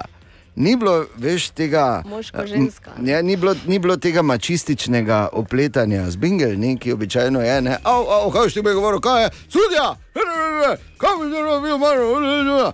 Ne? Ja. Ampak je bilo, ko je zapiskala, je bilo tako samo. Ja, ok, no, mislim. Niso se. Razumem, ne, to je veš tako pospravljeno kuhno. Ja, razumem, no, se ne bom več, mislim, tako je bilo. Dobro je bilo. Webcheck. Želimo dobro jutro. Dobro jutro. Ja, in zdaj morda bi kdo rekel, uh, zakaj ta novica s karabejem? Kaj pa je to takega? Ampak, če si gledal mumijo, katerega koli od teh filmov,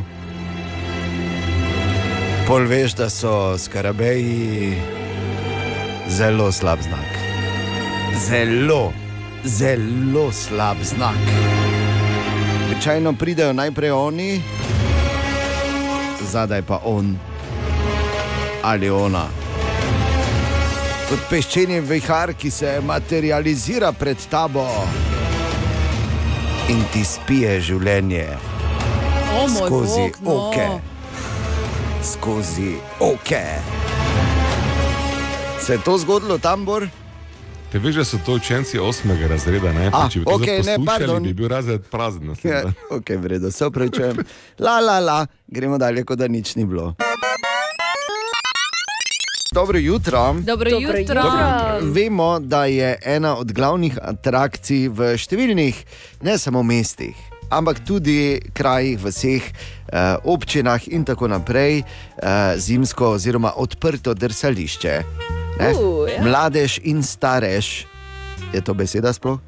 Se pač, eh, pač rado tvega, starejši radi tvegajo, kolke. Kolke, ja.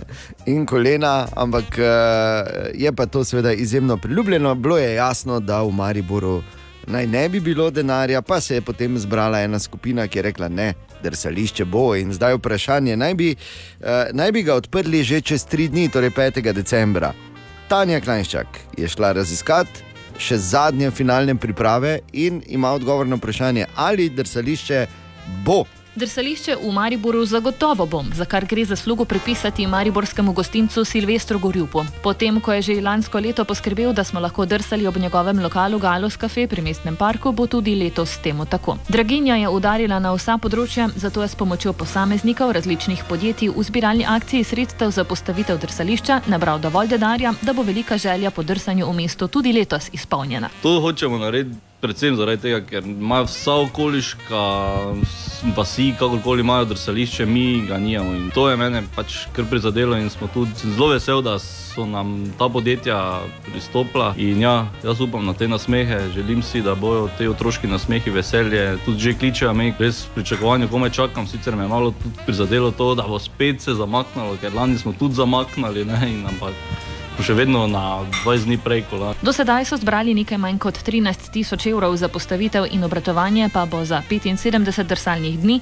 po izračunih potrebnih okrog 30 tisočakov, nekaj manj od prvotne napovedi 40 tisoč evrov, saj drsališče ne bo pod streho. Naproti sta prišli tudi podjetji Elektromaribor in Mariborski vodovod ter nekoliko olajšali priprave, tako da vse poteka po načrtih, pogodba je podpisana, drsališče bo z manjšim zamikom kot sprva načrtovano, ampak drsali bi lahko že z 9. decembrom. Po napovedih Gorjupa bodo otroci do 15. leta lahko drsali brezplačno. Drsališče bo tako odprto vsak dan, ves dan od 9. decembra 75 dni, predvidoma do zadnjega tedna v februarju, je pa največja želja ustvariti božično vzdušje predvsem za otroke. Sicer bodo na spletni strani jasentuidao.si sredstva zbirali še do nedelje 4. decembra, na to pa bodo zbiranjem nadaljevali tudi na samem drsališču. Mi bomo naredili nek box s prostovoljnimi prispevki, tak znesek bo šel za dobro drsališče oziroma za otroke in lokala, ker se res trudimo in želimo, da bi pač imeli otroci neko veselje in tu res delamo v tej smeri. Jaz bi predvsem rad pozval vse mariborčane občane, da pridite, če ne druga, se malo pogreti ob kuhančku. Da bi zdaj pač želel, oziroma zahteval od njih, da nekaj dobimo, ni to moja največja želja. Pač mi se bomo trudili tudi z gostinskim delom, da čim več ponudimo, da čim več tako zaslužimo ne, in tudi si pokrijemo s tem vse te nastale stroške, ki nam bodo manjkali. No. Tu se bomo pa res potrudili maksimalno. No. Ok, tako da super, drsališče bo, kot smo slišali. In drsališče bo ne, ne v ponedeljek 5., ampak pač v petek 9. decembra. Ne? Torej, čez en teden se bomo lahko tudi. Kar me seveda spomni, Bor, spomniš, ko, še, ko so še bili časi, ko smo še imeli drsališče, recimo na Trgu Svobode.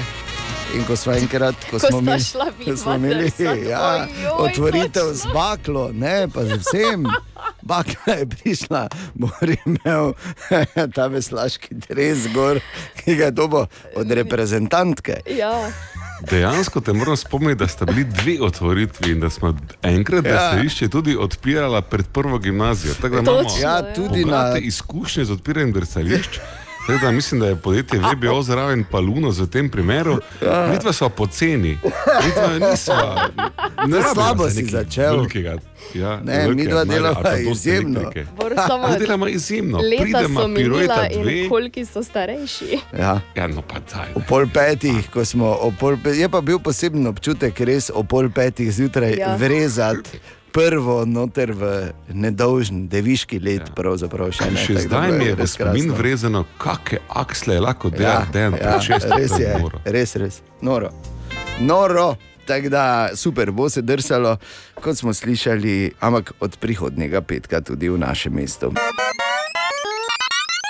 Torej, še enkrat želimo dobro jutro. Dobro jutro. Okay. Zdaj pa tak, en namig, ampak uh, veš, tak, da imaš za dve minutki malo, da se spro- sprostiš na delovnem mestu, ali pa da med delom si vzame, vzameš malo pauze in to je vedno fajn potem kaj zanimivega videti. Se strinjamo? Seveda. Drugo leto februarja, sicer šele, prihaja ena zanimiva. Uh, en, en zanimiv film iz meni zelo ljubega žanra in to so uh, komedije grozljivke, oziroma smešne grozljivke ali pa grozljive komedije. Ali, ne vem, če v slovenščini imamo sploh. Okej. Ne? Okay. Skratka, uh, film, ki je posnet po resnični zgodbi, ki se je zgodila sredi 80-ih, zgodba pa gre tako, da je pač uh, en uh, šmuglal droge v avionu in je imel preveč nabasan avion in je mogel nad uh, ameriško, enim ameriškim nacionalnim parkom ven zmetati ne vem koliko kokaina. Da, avion, da je- lahko letalo letelo naprej, in ta kokain je našel en črni medved. In, in ko so ga pol našli, medveda, eh, ne vem, mesec pa pol kasneje, je 40 teh zavojčkov izpraznjenih eh, kokaina bilo ob njem, ne, preden ga je pač eh, nezdrav življenjski slog vzel. Pardon. Ja, no, vem, vse je smešno. Mislim, je hecno, ampak pol so vzeli to zgodbo in nastal je film z naslovom Cocaine Bear. Ojoj. In trailer je že zunaj, in priporočam, sploh če ti je tako kot meni všeč ta žanr, torej smešnih grozljivk ali pa grozljivih eh, komedij. pol si moraš pogledati najprej ta trailer, pa potem seveda tudi film, ker zgodba je nora, kako dela medo, ne? kako pa medo dela. Cocaine Bear najdeš na YouTubu ali pa kjerkoli. Pač tak, za dve minutki malo, da se sprostiš. Trailer ni tako fejs grozljiv, tako da mirno. Tu je vprašanje za Hajfek za danes, Katja. Aleš je pisal na jutro na radio city.si in uh, zdaj dobro poslušajte, prosim, ker je malo daljše. Vprašanje za Joj, da, Bora. ne, da nam ne bo zakinkal. No, vprašanje za Bora. Bor! The, the Greatest oziroma Berita Stari. Ja. Odkot izvira tradicija oziroma običaj obešanja lučk in kaj je razlog? Sam sem bil že nekajkrat v skandinavskih deželah in sem opazil, da tam skoraj na vseh oknih oziroma okenskih polic hiš ali stanovanj sveti luč. Švedski prijatelj mi je takrat povedal, da to izvira iz daljnih časov, ko so se možje pozno zvečer vračali domov, da so lažje našli svojo hišo.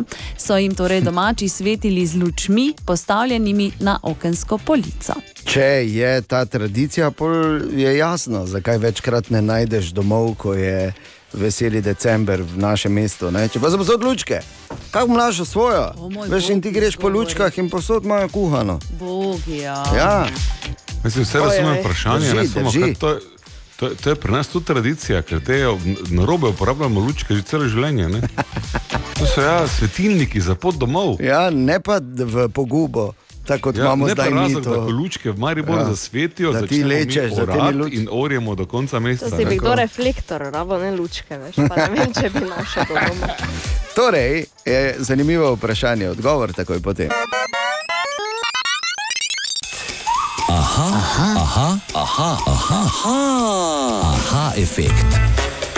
In tako Bor odgovarja na vprašanje Aleša, ki ga zanima, odkot izvira tradicija oziroma običaj obešanja lučk in uh, kateri razlog tiči za tem, uh, kaj ti Aleš pač. Uh, Uh, postavlja to vprašanje glede na informacije, ki jih ima iz skandinavskih dežel, kjer pa je bilo v navadi, da je skozi gorela luč uh, na oknih, zato da so možje, ki so se vračali pozno zvečer ali po noči, našli svoje domovanje. Ja, skoraj tako pa ni tako. Najprej dve stvari. Luči, ki smo jih včeraj prižgali, so božična razsvetljava. In to se je začelo v Nemčiji v 17. stoletju in zadnjih tam, ne vem, par stolet je to običajna praksa v vseh mestih. Zakaj? Zato, ker so začeli najprej osvetljevati okraske in potem ugotovili, da je lepo, če je svetlo, in potem je nekaj zaračunal, da se več gluvajna proda, ko so lučke v mestu in je to ratala za korenjene tradicije. Ja. To je generalno obešene lučke, ampak to, kar pa uh, govorimo zdaj, je pa, da v skandinavskih državah Norvežani in Švedi imajo tradicijo, da luči na oknih pomagajo mornarjem, da se vrnejo domov in iz tega ven, ne, mornarjem domov. To da je pomeni iz gostilne nazaj domov, ne, mornarjem iz dolge poti. Vse na nek Se način. po Na nek način je Mi podobno, vsi ja. plujemo ne, skozi življenje, tako ali drugače. Ja, ne, okej. saj veš. Ne, in zdaj, iz te tradicije mornarja domov se je uh, skozi leta potem tudi razvila tradicija, da se pa v času božiča kaže pot v cerkev, da lahko tam se ne Pluje dalje. Običajem poklonimo. Da veš, kje Um, petarde metati. ne. Recimo, ne.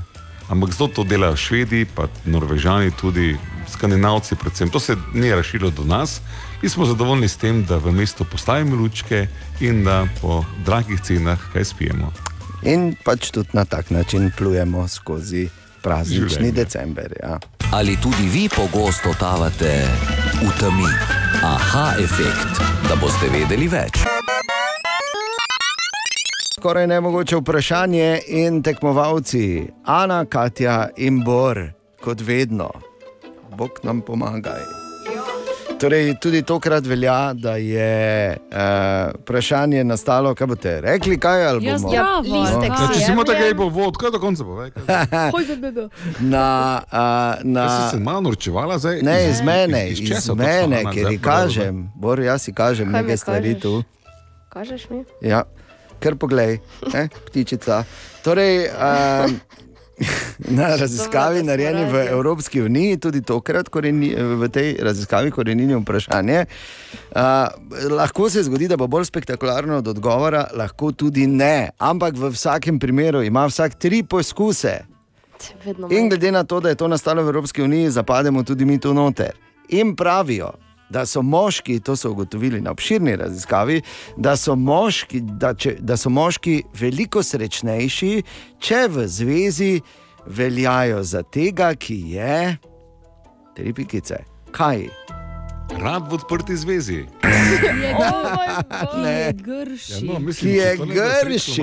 Ne. Zakaj bi bili mi srečnejši, če bi bili grši? Ne razumem. Ja, ker ste dobili na lotu. Lepo žensko. No, dobro, si ti lepo si krenila, veseli december, bom rekel. Ja? Tako. Dalje, ne, no, moški Tako, velja. Katja, to je staro vprašanje, kam imaš ti raje, sposobnega ali lepega. Ne? Ampak moški je Jaz sam sem s sabo oboje zadovoljen. Ja, tako moški je veliko srečnejši, če v zvezi velja za tistega, ki je. tri- Finančno bolj sposoben. Ne, Katja, drugi. Hvala, eh, ker si porablja moj poskus. Drugi htela je šel mimo, da kaj boš, Ana, ti boš kaj poskusila, Ja, ali bom. bomo čakali. Ana, prosim do- ti reči bogato Če bi tiho bili, da se skoncentriram, prosim. Obema sem zdaj vzel en poskus, zaradi tega, ker je slab. Bor ti še imaš enega, Ana še ima Isto dva. ti kažem, ko mi je dejan prej. In Katja ima še enega. Torej, moški velja za veliko srečnejšega v zvezi, Mislim, Katja- če v tej zvezi velja za tistega, ki je. Kaj ti No. na tebe stavimo? Ti si zdaj sveže v zvezi. Bolj domače opravilen. Ne, vsi imate še en poizkus. To me, to me noro sreči, če lahko se sam doma. Čakaj, en mi piše. Ja, lepo. Bolj pameten. No. Hvala, Margareti, za poskus. In je konec. Čakaj, Ana ne, je še izpadla. Ana je izpadla. Ja, ker si mi vzel enega, to ne velja. Ja, glej, tako pač so pravila. pridna, res. pravila so, da so pravila. Torej, Katja in Bori imata oba še en poizkus, še enkrat bom povedal, še zadnjič. Po raziskavah mož, so mo, smo moški v zvezi veliko srečnejši, če v tej zvezi veljamo za tri pikice. Edinega. Ti si mimo. Ti si ka. če, ne, Povej, da je bila Lahko- dobra. Ne, Dobra tak je. Ana, tako je dober odgovor, da bom jaz porabil moj poskus, samo da rečem. Moški je v zvezi srečnejši, če je v njej edini moški. Pa to je tako drugačni zveza. Ker te, To si, te to pravljice, mislil, pravljice o, pravljice o poliamornosti so. No, Katja, samo ti še.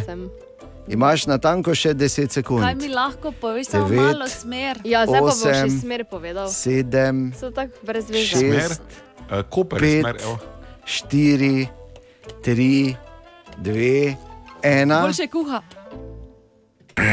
Nope. Je. Moški je v veliko srečnejši v zvezi, če v tej zvezi velja za smešnega oziroma duhovitega. O moj Ja, no, kaj? Še je to pomembno, da te znala To se je dejan smejati. zmislil. Ja, ja seveda. sam na sebi je raziskal. Nisem si Ja, raziskal se je. Tak je. Vodo si vleče na mlin. Pojma nimate, pojma nimate, zgubili ste, la la. Samo zmotim, izvolite. Malo sneži, Katja, voni. Res? A? Dobra, mali in stari. Podcast jutranje ekipe.